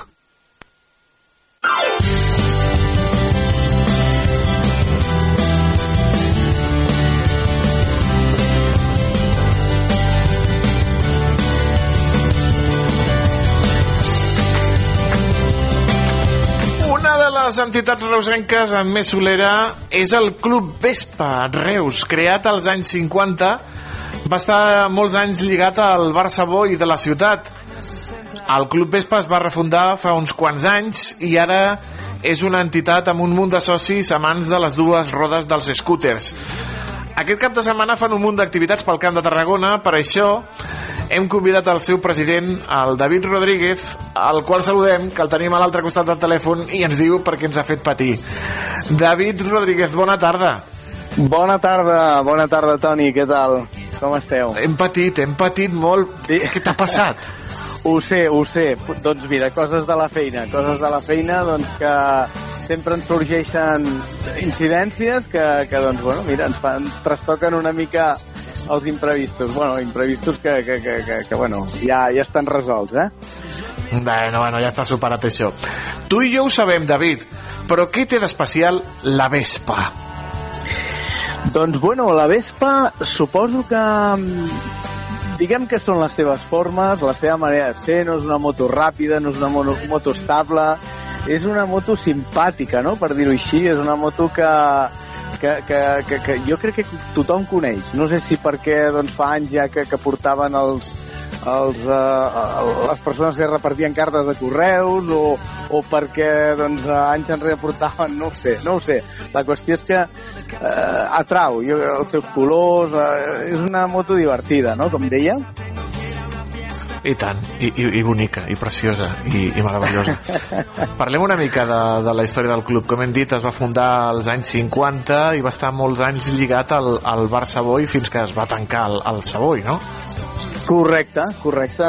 En aquest cas, el, el Vespa Club Reus eh, es va fundar doncs, coincidint per Sant Pere, per les festes majors de, de Sant Pere de Reus, l'any 55, i bueno, la, seva, la seva ubicació, la seva seu social era el bar Savoy, que doncs estava al carrer Monterols i, i bueno, doncs un, un lloc molt cèntric on la gent se reunia allà i els caps de setmana s'aprofitava a sortir doncs, amb, a fer viatges, a fer excursions, de pensar que era, hi havia molt, poc, molt pocs cotxes, vull dir que no hi havia un parc mòbil com el d'avui en dia i per tant pues, bueno, era una manera de, de, de viatjar i de descobrir i de, i de, i de sortir no? de, la, de la rutina Unes Llavors, no? I eh, una... Sí, sí, sí, digues, digues, endavant. perdona Toni No, no, No, no, és l'Aleix, és l'Aleix. ah, Aleix, perdona Aleix No, ja, ja, continua, sí. Era una mica també per, per això, no? que aquestes sensacions, totes aquestes sensacions les estan recuperant ara mateix, no? En, en certa manera, també. Doncs sí, una mica sí. Uh, quan, doncs, bueno, nosaltres vam, vam començar més, més jovenets, ara ja tenim una certa edat, no? Però vam, vam descobrir tot això del món de la Vespa i doncs uh, uh, amants de la Vespa de Salou o de Cambrils o d'aquí al, al voltant del territori i ens, uh, ens coneixíem en altres sortides que organitzaven doncs, altres entitats de, del món de, de la motocicleta clàssica, en aquest, en aquest cas, doncs al final vam dir, ostres, doncs recuperem aquest club, no? un club emblemàtic que doncs, eh, fins i tot a l'arxiu històric havíem recuperat informació i havíem, havíem conegut fins i tot eh, antics socis que, que havien format part de, de lo que havia sigut l'inici del Vespa Club Reus. Entre això, doncs, d'altres municipis, d'altres ciutats, com Barcelona, Sabadell, doncs, a Tarragona, que també doncs, tenia un dels, dels primers eh, Vespa Clubs aquí de, de la província. I a partir d'aquí, doncs, bueno, eh, hem format una, una família, la veritat, doncs, eh, molt maca, molt maca, de gent molt jove que, que doncs, és, és estrany perquè vull dir, no, no havien conegut la, la Vespa, moltes de la, fabricades als anys 50-60, i que actualment doncs, eh, intenten recuperar i restaurar i tornar a treure pel, sí. pels carrers. Una família que em comenten també aquí per, la, per via interna que, que també és molt més, no? I que també inclús tenim una colla de carnaval per qui es vulgui apuntar perquè la gent també sigui conscient de, de com transcendeix això la, la, la, la unitat, no? I el vincle que es, que, es, que es fa a partir de la Vespa. Doncs la veritat és que sí, ja, ja, fa, ja fa anys, des de 2009, 2008, que vam fundar o vam formar part de, de, el que és una colla de, de, de carnaval aquí a Reus. I, i bueno, des de llavors que amb el parèntesis que va haver doncs, amb el tema de la pandèmia que no vam poder sortir però, però sí, sí, hi ha una comissió doncs, que anomenem Vespistats, que és a la nostra colla, una miqueta referenciant-nos doncs, d'una manera també simpàtica amb aquesta, amb aquesta marca de, de, de, de scooter. Sí, sí, eh, els socis del Vespa Club som, som com una gran família. Parlem del nou local, David, perquè vau estar una bona pila d'anys allà al carrer Sant Lluís, amb aquell local que de dues plantes, on a baix estava tot eh, un taller a dalt, hi havia aquest petit despatx, però ara ara esteu en un local nou i fantàstic, no? Sí, doncs eh, és veritat que allà vam estar a vora 20 anys al carrer Sant Lluís, un localet doncs, eh, petit i molt ben aprofitat. La veritat és que no, no, no hi cabia, no ens si, hi si, faltava entra, de... si, entra, si entrava una persona havia de sortir una vespa. Exacte, exacte. O sigui, les dues coses no podien estar. Doncs sí, fa qüestió de, de dos anys vam aconseguir doncs, eh, un espai més, més ampli, doncs, eh, també buscàvem que no fos una zona fora del centre, bueno, relativament, no? No, no volíem un polígon industrial, sinó que volíem una cosa que, que s'hi pogués anar a peu i doncs ara estem pràcticament a, a 300 metres de la, de la plaça eh, Pastoreta i per tant allà hem aconseguit tindre doncs, tot, el que, tot el que necessitàvem. Era espai per les motos, que pogués haver gent dintre i on, bueno, parlar de lo que ens agrada, temàtica Vespa, poder arreglar les nostres, les nostres Vespes i lambretes, eh? no m'ho deixaré, que també No. eh, hem, deixat, hem deixat part també d'aquest altre mític scooter i, i bé, doncs estem molt contents. La veritat és que ens, ens hem adaptat molt, molt bé. Eh, jo sóc de Vespa. Tu, tam Sí, tu també ets de Vespa sí. o, o també ets... no, L'Ambreta... La, ara que home, escolta, Què li passa a l'Ambreta?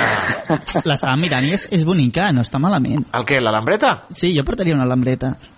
perquè tu ets raro. Perquè si tu ets carnet, portaria lambreta. Home, Toni, eh, en tot cas, la propera vegada et deixaré una, una lambreta d'algun soci i, vale. i no sé, bueno, després ja podràs... Eh, jo crec Opinar. que ets més de, de Vespa, eh? però No, no, ho has de provar, jo- ho has de provar, això. aquest diumenge eh, feu una sortida a Salou, a la festa major, que podríem dir, David, que és una sortida ja clàssica de, del calendari del club, no? Doncs sí, co correctament. Fa 14 anys ja que, que organitzem aquesta, aquesta sortida eh, doncs, amb, amb ajuda de l'Ajuntament de Salou, eh, coincidint una mica amb la festa major d'hivern, el Cos Blanc, i, i doncs, eh, bueno, coincideix que és aquest, és aquest diumenge, on bueno, farem un recorregut de, sortint de Reus fins allà a Salou, fi, hi haurà esmorzar, hi haurà exposició al passeig Jaume I, eh, al costat, diguéssim, de la, del passeig a la banda del port, i, i bé, doncs eh, esperem gent de, de tot arreu, vull dir que, que últimament ens ha coincidit, bueno, tenim un, un oratge que, que, que fa que, que, doncs, bueno, que la gent s'animi a sortir en vespa. No fa fred, doncs vinga, endavant, no? I acabarem a de nou, eh, on organitzem una, una vermutada, una, bueno, doncs una, una festa així, un vermut electrònic que fem a la plaça del Castell, i bueno, començarà cap a dos quarts d'una o així, doncs fins a, fins a les tres aproximadament. És a dir, que d'una cosa a l'altra i sense parar, s'han de, de fer coses. Sí. Important, però, el, el vermut després ja de tota la ruta, eh? que la gent no, no se'ns despisti. Les motos aparcades, eh? Les motos aparcades, Les motos aparcades i tot a peu, eh? Sí, sí, esperem que, que sí. I bé, també eh, m'anem a parlar de la ZWE, que impedirà que les vespes passin pel centre de la ciutat. Què n'opines d'això? Perdona, no t'he sentit ara. Disculpa. De la zona de baixes emissions, la zona de baixes emissions ah, sí, que, doncs, bueno, que impedirà doncs, que hi vagin les vespes. La, la veritat és un, és un tema que ens, que ens amoïna molt, principalment ens amoïna perquè ens agrada el fet d'anar amb aquests vehicles, doncs, eh, per lo que implica la seva conservació, per, per lo que implica doncs, la, la seva història no? del món de, del motor. També ens amoïna una qüestió mediambiental i, òbviament, doncs, també, també ens agrada respectar-ho.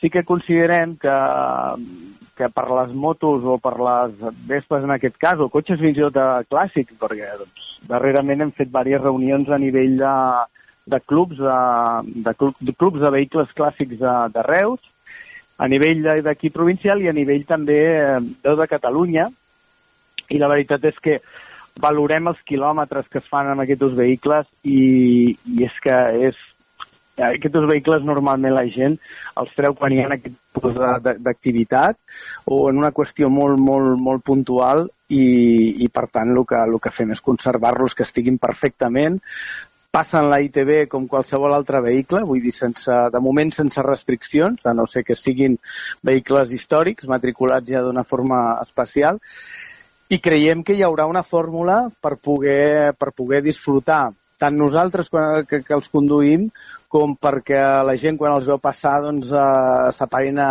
a mirar no? I, i vegin aquest, eh, aquest, aquest vehicle de, de fa 50-60 anys eh, encara circulant. Vull dir que esperem que, que hi hagi una, aquesta fórmula no? de, de, de poder salvaguardar tots aquests vehicles és que si algú cuida dels seus vehicles són, són la gent que, que tenen una, una Vespa, una Lambreta, un vehicle històric, com ha dit el David, si algú els cuida i els mima i, i, i els estima a vegades més que a la família, doncs mira, quin futur, sí, sí. Li, quin futur li veus al club, David, al club Vespa, Reus? Doncs la veritat és que el tema, el tema Vespa eh, estem, estem, estem en un punt, jo crec que cap al 2008, entre el 2004 i 2008 va haver un augment, nosaltres ho notem per la, per la gent que et ve al club i es vol fer sòcia perquè doncs, o, o bé ha recuperat una moto, una Vespa en aquest cas, eh, a nivell doncs, familiar, que, que doncs, la tenien en algun garatge i la volien o la volen recuperar. Després se va estancar una miqueta doncs, eh, fins fa uns anys que el boom de la Vespa ha tornat i ha tornat ja a nivell internacional, vull dir, eh, ara que tenim doncs, tot això, xarxes socials, que Instagram, que no sé què i tal, veiem que, que en altres països lo de la, lo de la Vespa bueno, ha estat un, un boom. Eh, la veritat és que em, em sobta, em sobta perquè normalment aquestes modes doncs, tenen el seu temps i després passen. El de la Vespa és que cada vegada va, va en augment.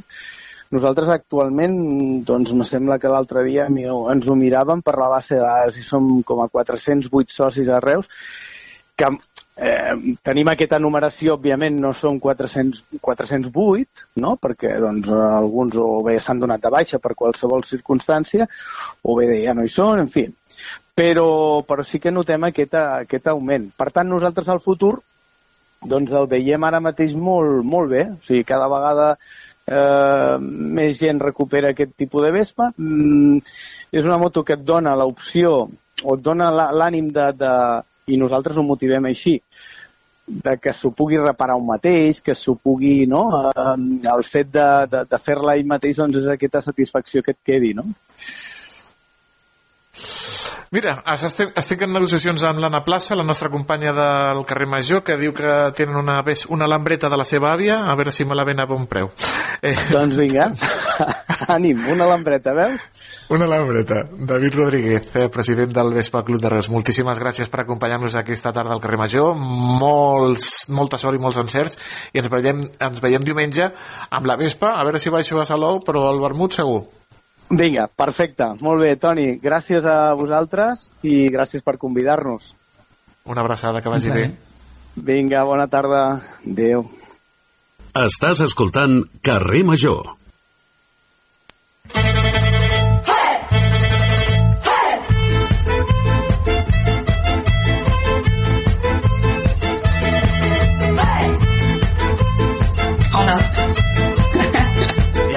Saluda, ja ens saluda. és la, la, la Clàudia, de l'Hora Violeta. Com hem d'actuar si presenciem un assetjament sexual o el que creiem que pot ser un assetjament? Com hem d'ajudar la víctima? I si som nosaltres la víctima? Com hem d'actuar amb l'agressor? Per tractar aquest tema tan delicat, doncs, eh, tenim a la Clàudia, de l'Hora Violeta, per ajudar-nos.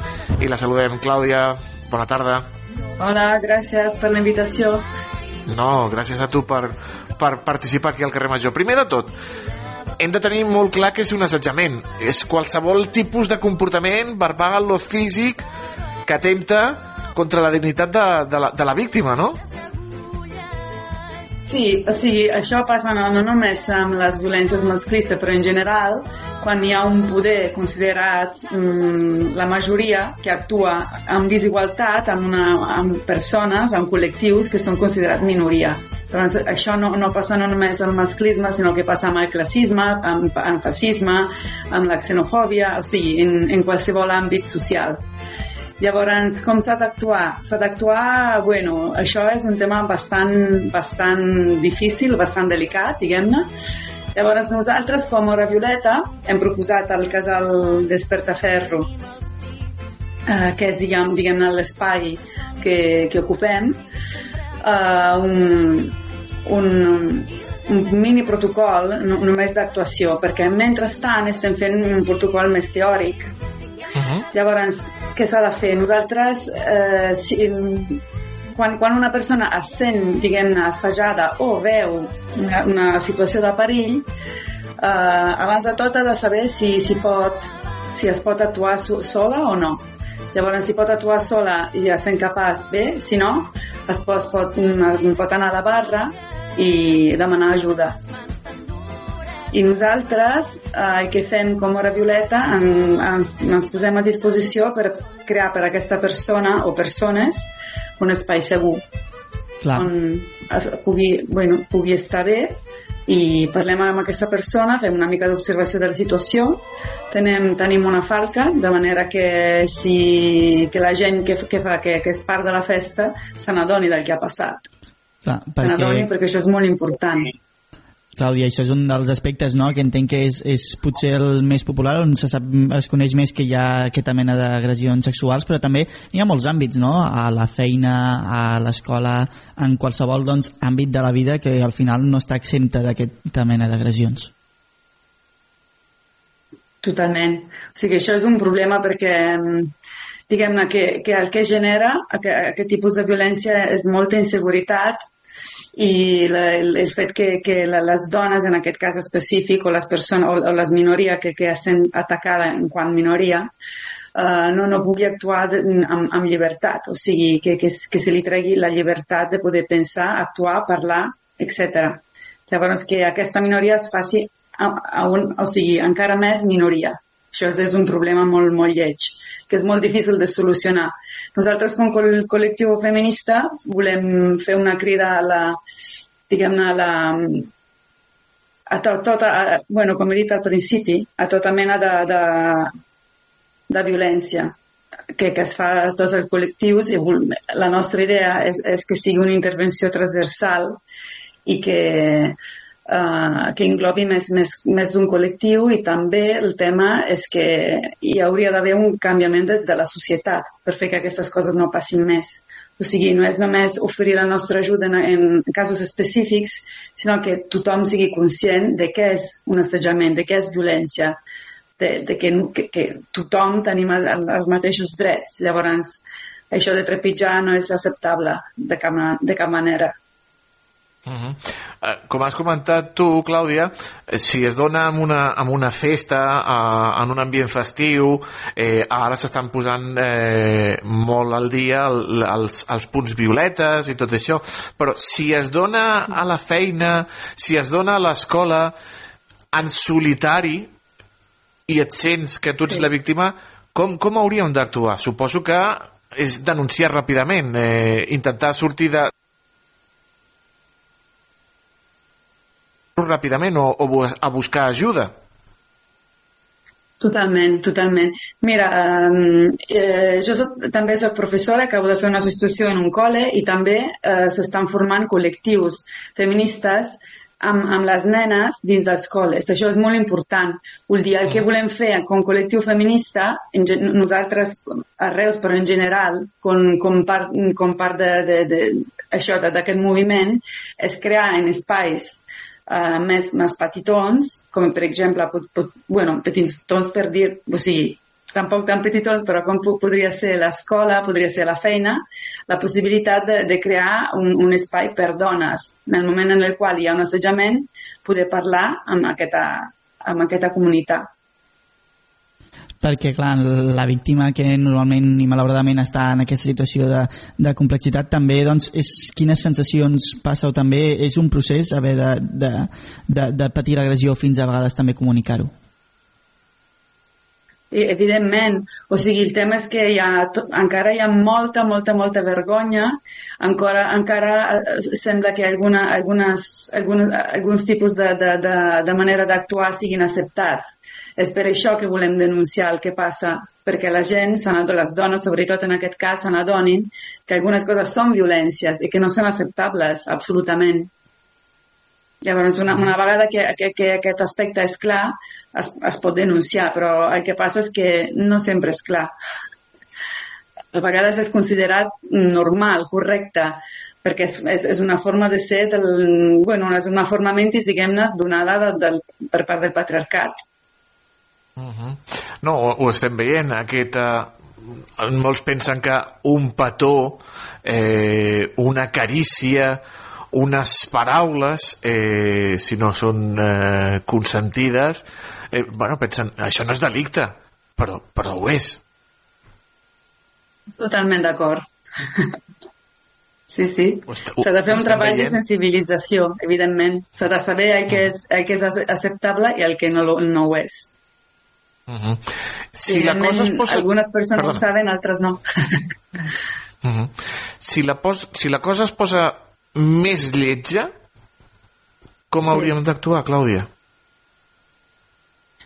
Bueno, abans de tot, tenir gent de confi... persones de confiança amb, la, amb les quals poder parlar i poder dir, mira, m'ha passat això, no sé què fer, vale? I després, mmm, per exemple, en l'exemple que, que he fet abans, nosaltres sempre deixem el nostre número, número de telèfon, llavors ens truquen i en aquest moment nosaltres intervenim amb una, som, serem part d'una comissió, formarem, una, form, formarem part d'una comissió, intervenim i ajudarem. Llavors, en el mateix cas, com, com he dit abans, es, aquesta persona, si, si es veu capaç d'actuar sola, molt bé. Si no es veu capaç, nosaltres l'ajudem, llavors l'apartem, li, creem, li creem un espai segur on pugui parlar, on pugui, on pugui descriure què li ha passat, si vol, si no vol només es pot estar en silenci, i després a partir d'allà, bueno, s'ha de fer un treball conjunt amb la persona que, que ha patit l'agressió i la persona que, que, que, que ha actuat d'una manera que no és, no és acceptable. Per anar Denunciar tancant la una primera mica. cosa, però per contestar-te de manera sintètica. Sí. Per Ser anar conscient tancant i una- denunciar, i buscar ajuda. és molt important això i crec que també és molt important no, intentar erradicar aquest problema, el problema de l'arrel no, que també és amb l'educació des de ben petits no, també és molt important eh, educar amb la, amb la igualtat també una mica és el camí a, a seguir no? Totalment. O sigui, el camí de, de seguir per, per, perquè, perquè el canvi sigui un canvi de, de, de la societat en general és la sensibil- sensibilització i l'educació respecte a aquests temes. Uh -huh. Totalment. Doncs ha quedat molt clar que s'està treballant ja des de les escoles amb aquests eh, punts sí. violetes a les escoles que estan creant eh, a les festes eh, majors, en concerts, en, en altres eh, activitats lúdiques, també hi ha aquests punts d'atenció, aquests punts de seguretat per les dones que lamentablement són les que pateixen aquest tipus d'agressions en, en la majoria dels casos. I hem parlat avui doncs amb la Clàudia de l'Hora Violeta en la nostra secció de gèneres com sempre Clàudia, moltíssimes gràcies per respondre als nostres A dubtes i una abraçada a la A gent de l'Hora Violeta A vosaltres, gràcies. Adeu. gràcies, adeu, Adeu. Clàudia Adeu, adeu. Carrer Major és proximitat.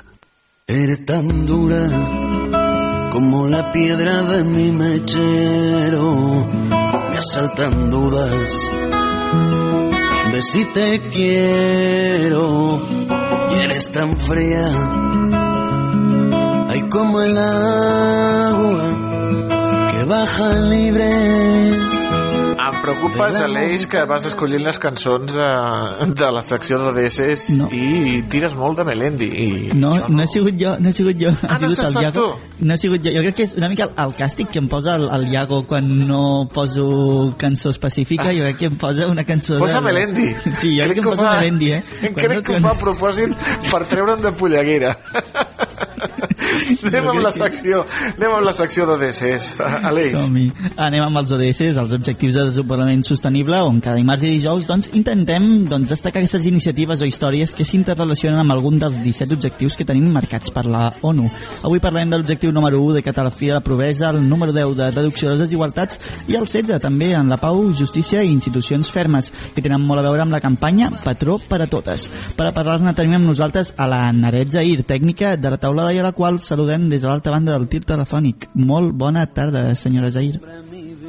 Molt bona tarda a todas las personas que, que están ahí en la mesa en Radio Ciutat. Eh, ens situem a Tarragona. Com i per què sorgeix aquest patró per a totes?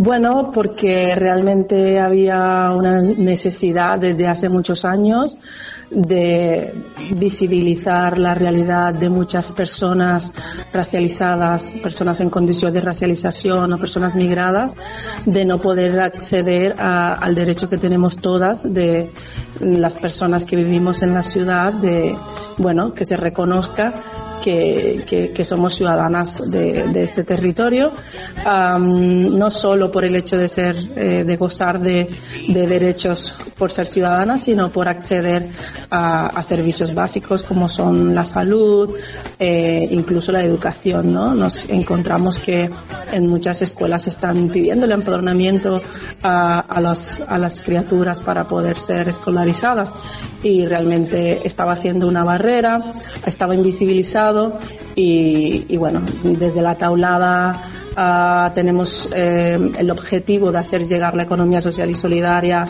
a, a nuevos y diferentes colectivos, a colectivos diversos de la ciudad que, obviamente pues ref- reflejen eh, la realidad ¿no? Eh, de la gente que habita, que habita Tarragona y por eso emprendimos este grupo de trabajo de incidencia política Padro para. Sí. En quines condicions arriben aquestes persones amb les que treballeu i per què no poden accedir a aquest patró? Sí, bueno, el, el, grupo de trabajo nace de primera de, una, de un diagnóstico participativo que hicimos desde la taulada uh, con el support de, de, la Diputación de Tarragona. Eh, este diagnóstico lo que intentaba era descubrir eh, cuáles eran los retos que se encontraba la, la gente migrada cuando arribaba aquí a la ciudad y, y um, entre racismo, falta de información, eh, y diferentes problemas para acceder a habitatge, ¿no? Uh, la base de toda esa problemática pues era, pues era el, empadronarse, ¿no? Poder registrarse en,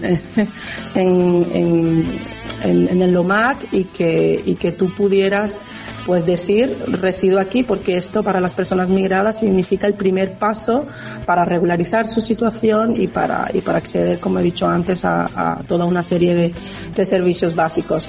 A partir de aquí hemos trabajado con, con más de 15 entidades migradas, entre la Red Antirracista, Asociación Donas Africanas de Tarragona, Obrin Fronteras, a Kilómetro Cero, eh, Asociación Ariadna, bueno, muchas, muchas entidades que de alguna manera estaban trabajando con personas migradas y que se estaban encontrando esta realidad, que no sabían cómo darle respuesta uh, y decidimos juntarnos todas estas uh, personas para pensar estrategias colectivas para poder eliminar esta, esta barrera. Uh, nos reuníamos una vez, una vez al mes y pues con también una campaña en redes, abrimos algunos canales porque um, la principal problemática es que se negaba, ¿no? Desde el ayuntamiento se negaba la existencia de esta, de esta realidad y lo que nosotras hicimos fue recoger uh, quejas de la gente, ¿no? Voces reales de la gente diciendo yo no me he podido empadronar, esto no es un caso aislado, eh, somos muchas las personas que nos encontramos aquí en esta situación y pues el ayuntamiento ha de destinar eh, medidas para que esto pues no, no siga pasando y garantizar la igualdad de trato para todas las personas en igualdad de condiciones. Aquesta és una mica la teoria. A la pràctica eh, us han posat facilitat des de l'Ajuntament? Han, es, han acceptat aquesta realitat que, que els heu portat al consistori? Ha habido una negación desde el primer momento, eh, una negación a la, a la, realidad. Parece que depende también de, de, qué funcionario, de qué persona te atienda, pues te, por lo menos te permite eh, hacer la instancia genérica, que era como eh, nuestro primer reto, lograr que las personas que llegaban a Loma pudieran por lo menos salir de allí con, con la instancia genérica hecha, uh, que luego el proceso pues puede variar según la causística de cada persona y la realidad de cada persona, ¿no? Pero por lo menos eh, el primer paso es poder hacer la solicitud, que era una cosa que te estaban negando los funcionarios, depende de quién te tocara. Entonces,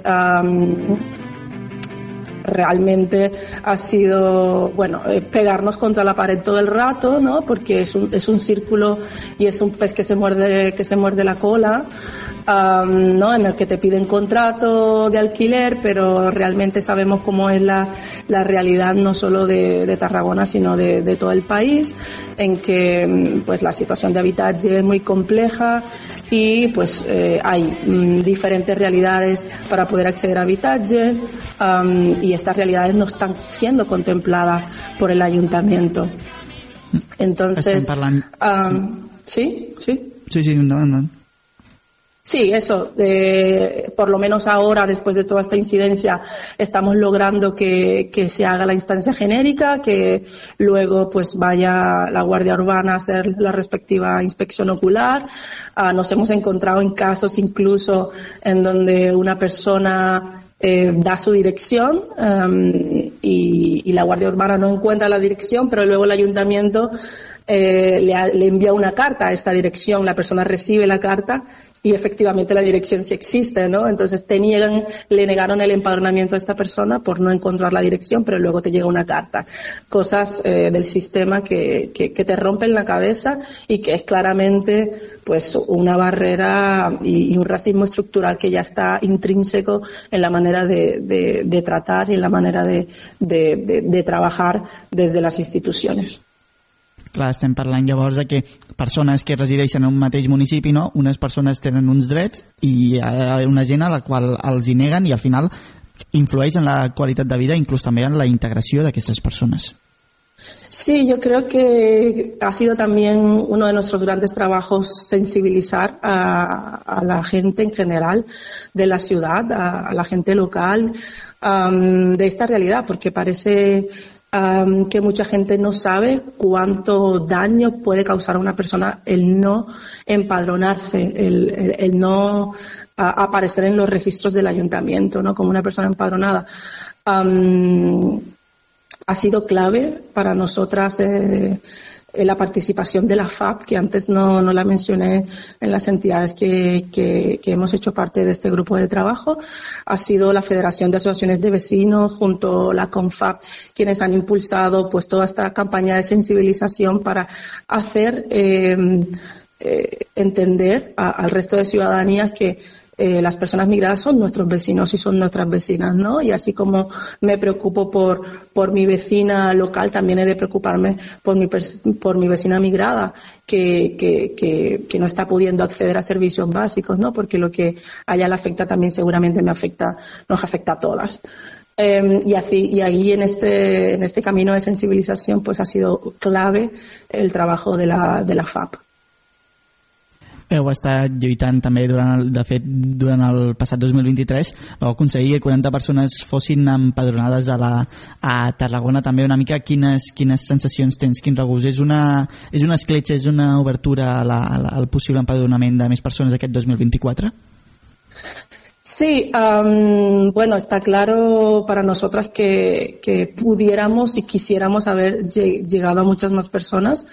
Tampoco sabemos las cifras exactas. Esto es un aproximado de cuántas personas pudimos eh, acompañar directamente, porque pues cada una de las entidades también estaba haciendo este trabajo de acompañar a otras personas y este y este número de personas pues no lo estábamos contabilizando, ¿no? Que seguramente hemos podido llegar a muchas más personas, pero esto demuestra que hay una necesidad, que hay una necesidad y que el ayuntamiento ha de ha de hacerse cargo a esta responsabilidad, ha de tomar medidas para que esto no siga sucediendo.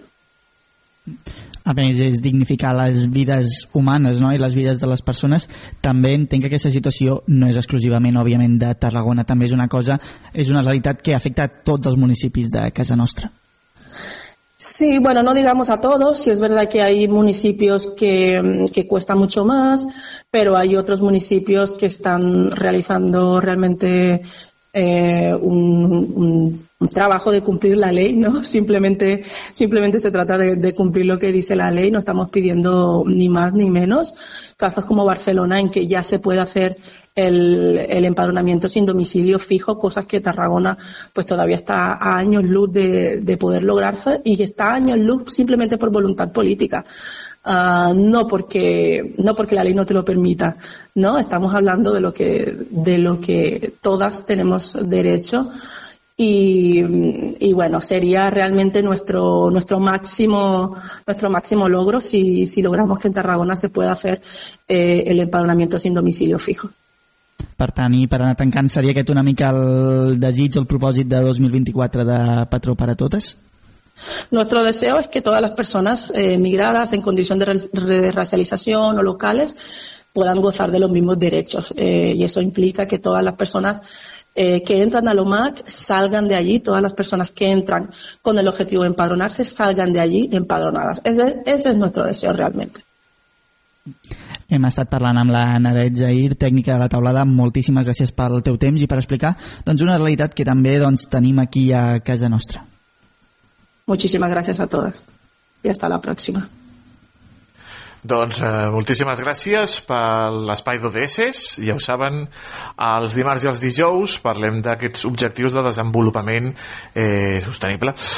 Anem a recordar el podcast, el podcast de veïns de Ràdio Ciutat de Tarragona. Anem a escoltar un petit tastet de la peça que ens ha preparat el nostre company, l'Adrià Requesens.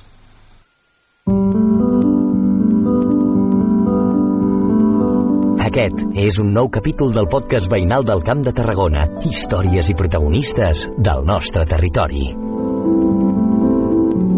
Els missatges socials i la pintura són dues paraules claus en el protagonista d'aquesta setmana del podcast de veïns. Em dic Pep Herrera, tinc 23 anys, sóc de Bellmunt del Priorat i sóc artista autònom i sobretot la meva tasca es dedica a pintar murals de grans dimensions i intento els meus projectes que sempre eh, parlar de la inclusió, de la diversitat i doncs, fer-los el més participatius possibles.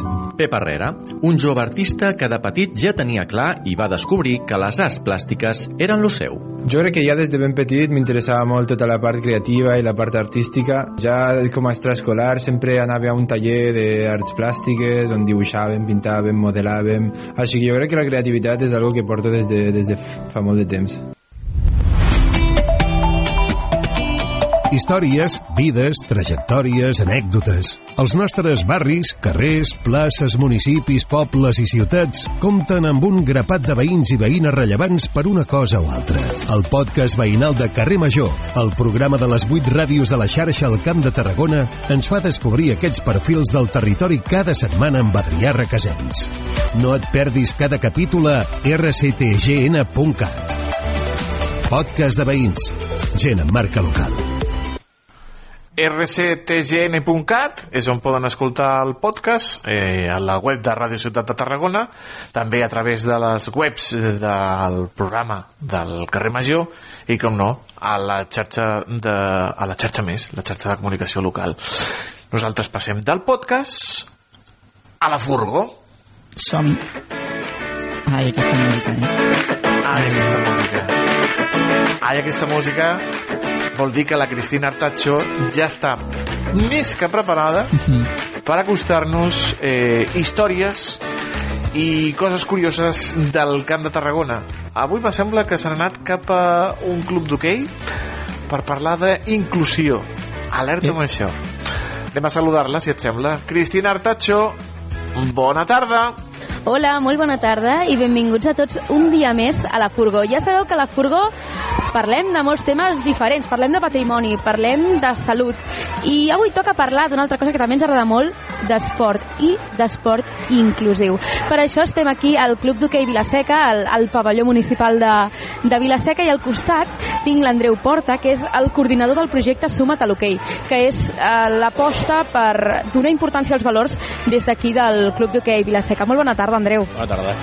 Explica'ns una miqueta en què consisteix aquest projecte del Sumat a l'hoquei i sobretot dins d'aquest projecte d'Escola de Valors com fomenteu la inclusivitat?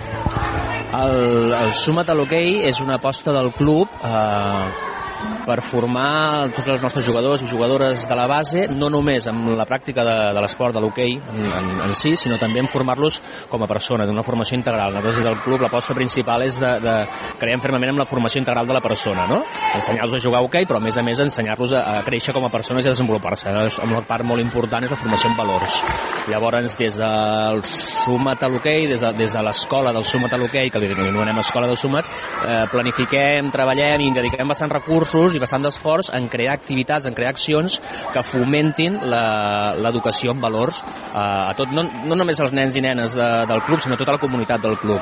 Jugadors, jugadores, entrenadors, staff, delegats, delegades, mm, famílies, etc. tota la part del club unes d'aquestes accions, eh, una de les línies d'aquestes actuacions del, del, de la, des de la, a través de l'escola del, del SUMAT és la inclusivitat, les diferents accions, diferents activitats que, que, que impliquin inclus, la, treballar la inclusivitat, el, el, el integrar persones amb discapacitat en el dia a dia del club perquè pensem que, que la relació, el relacionar-se amb aquest tipus de persones, amb aquestes persones que tenen aquestes altres capacitats, doncs és una manera de, de fomentar uns valors molt, molt importants per la persona.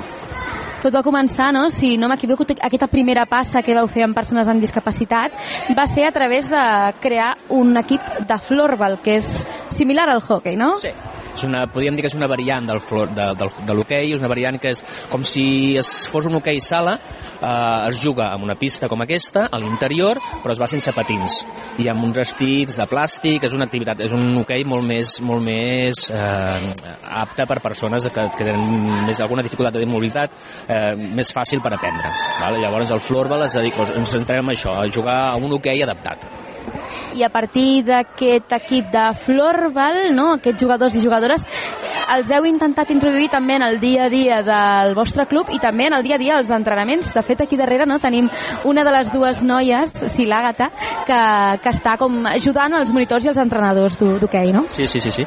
Clar, aquest seria el segon pas, no? O sigui, tenim, tenim molt clar on volem arribar amb tot el tema de la integració, no? Volem arribar que les persones amb discapacitat formin part del club, no siguin persones que venen a fer una activitat al club, sinó que, que siguin el club, no? Llavors, la integració consisteix en això, en el dia a dia que tothom faci la seva vida i que tothom vingui aquí al club a fer aquelles activitats o a aportar allò que li agrada i que li fa il·lusió. No? Llavors, en aquest cas, tenim a dia d'avui la Lola i l'Àgata, que la Lola avui no ha pogut venir, però tenim l'Àgata que els hi feia gràcia, doncs, els agrada molt relacionar-se amb, amb canalla petita, amb nens i nenes petits, i llavors eh, els va semblar molt bona idea el que poguessin venir per les tardes, eh, un dia a la setmana, a fer d'ajudants d'entrenador és important no, que la canalla normalitzi en qualsevol entorn, en aquest cas un entorn esportiu, que també hi ha un lloc per les persones amb discapacitat i alhora també fer que aquestes persones amb mobilitat reduïda o discapacitat psíquica sentin que poden, que poden aportar també a la canalla. Fonamental. Eh, o sigui, és bàsic la, aquestes dues línies, no? amb aquest tema de la, del, del, del treball que fem a través de la, de la,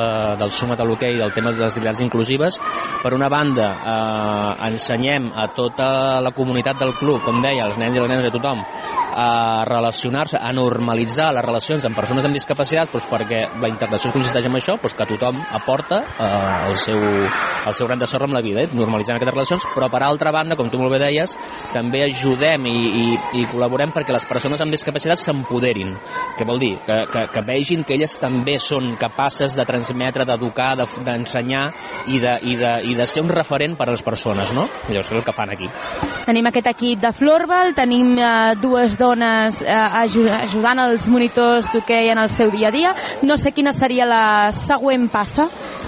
La següent passa eh, que s'impliquessin més, que vinguessin, que es fessin seu el club, que el club Hockey Vilaseca fos una part molt important en la vida de les persones amb discapacitat, d'aquelles que volguessin, que poguessin venir a veure els partits, que poguessin formar part dels diferents equips sent com a delegats o delegades d'equips, acompanyessin a l'equip eh, amb els desplaçaments, eh, vinguessin aquí a, a, a, bueno, a, a, a ser una part important en la seva vida.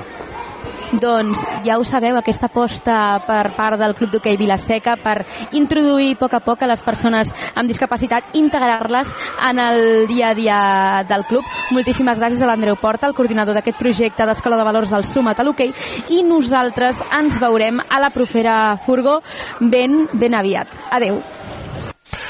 Doncs moltíssimes gràcies, Cristina Artacho, la nostra conductora de la furgoneta, que avui, eh, dijous 1 de febrer, doncs mira, ens ha portat mm -hmm. aquesta actualitat del món de l'hoquei amb la integració.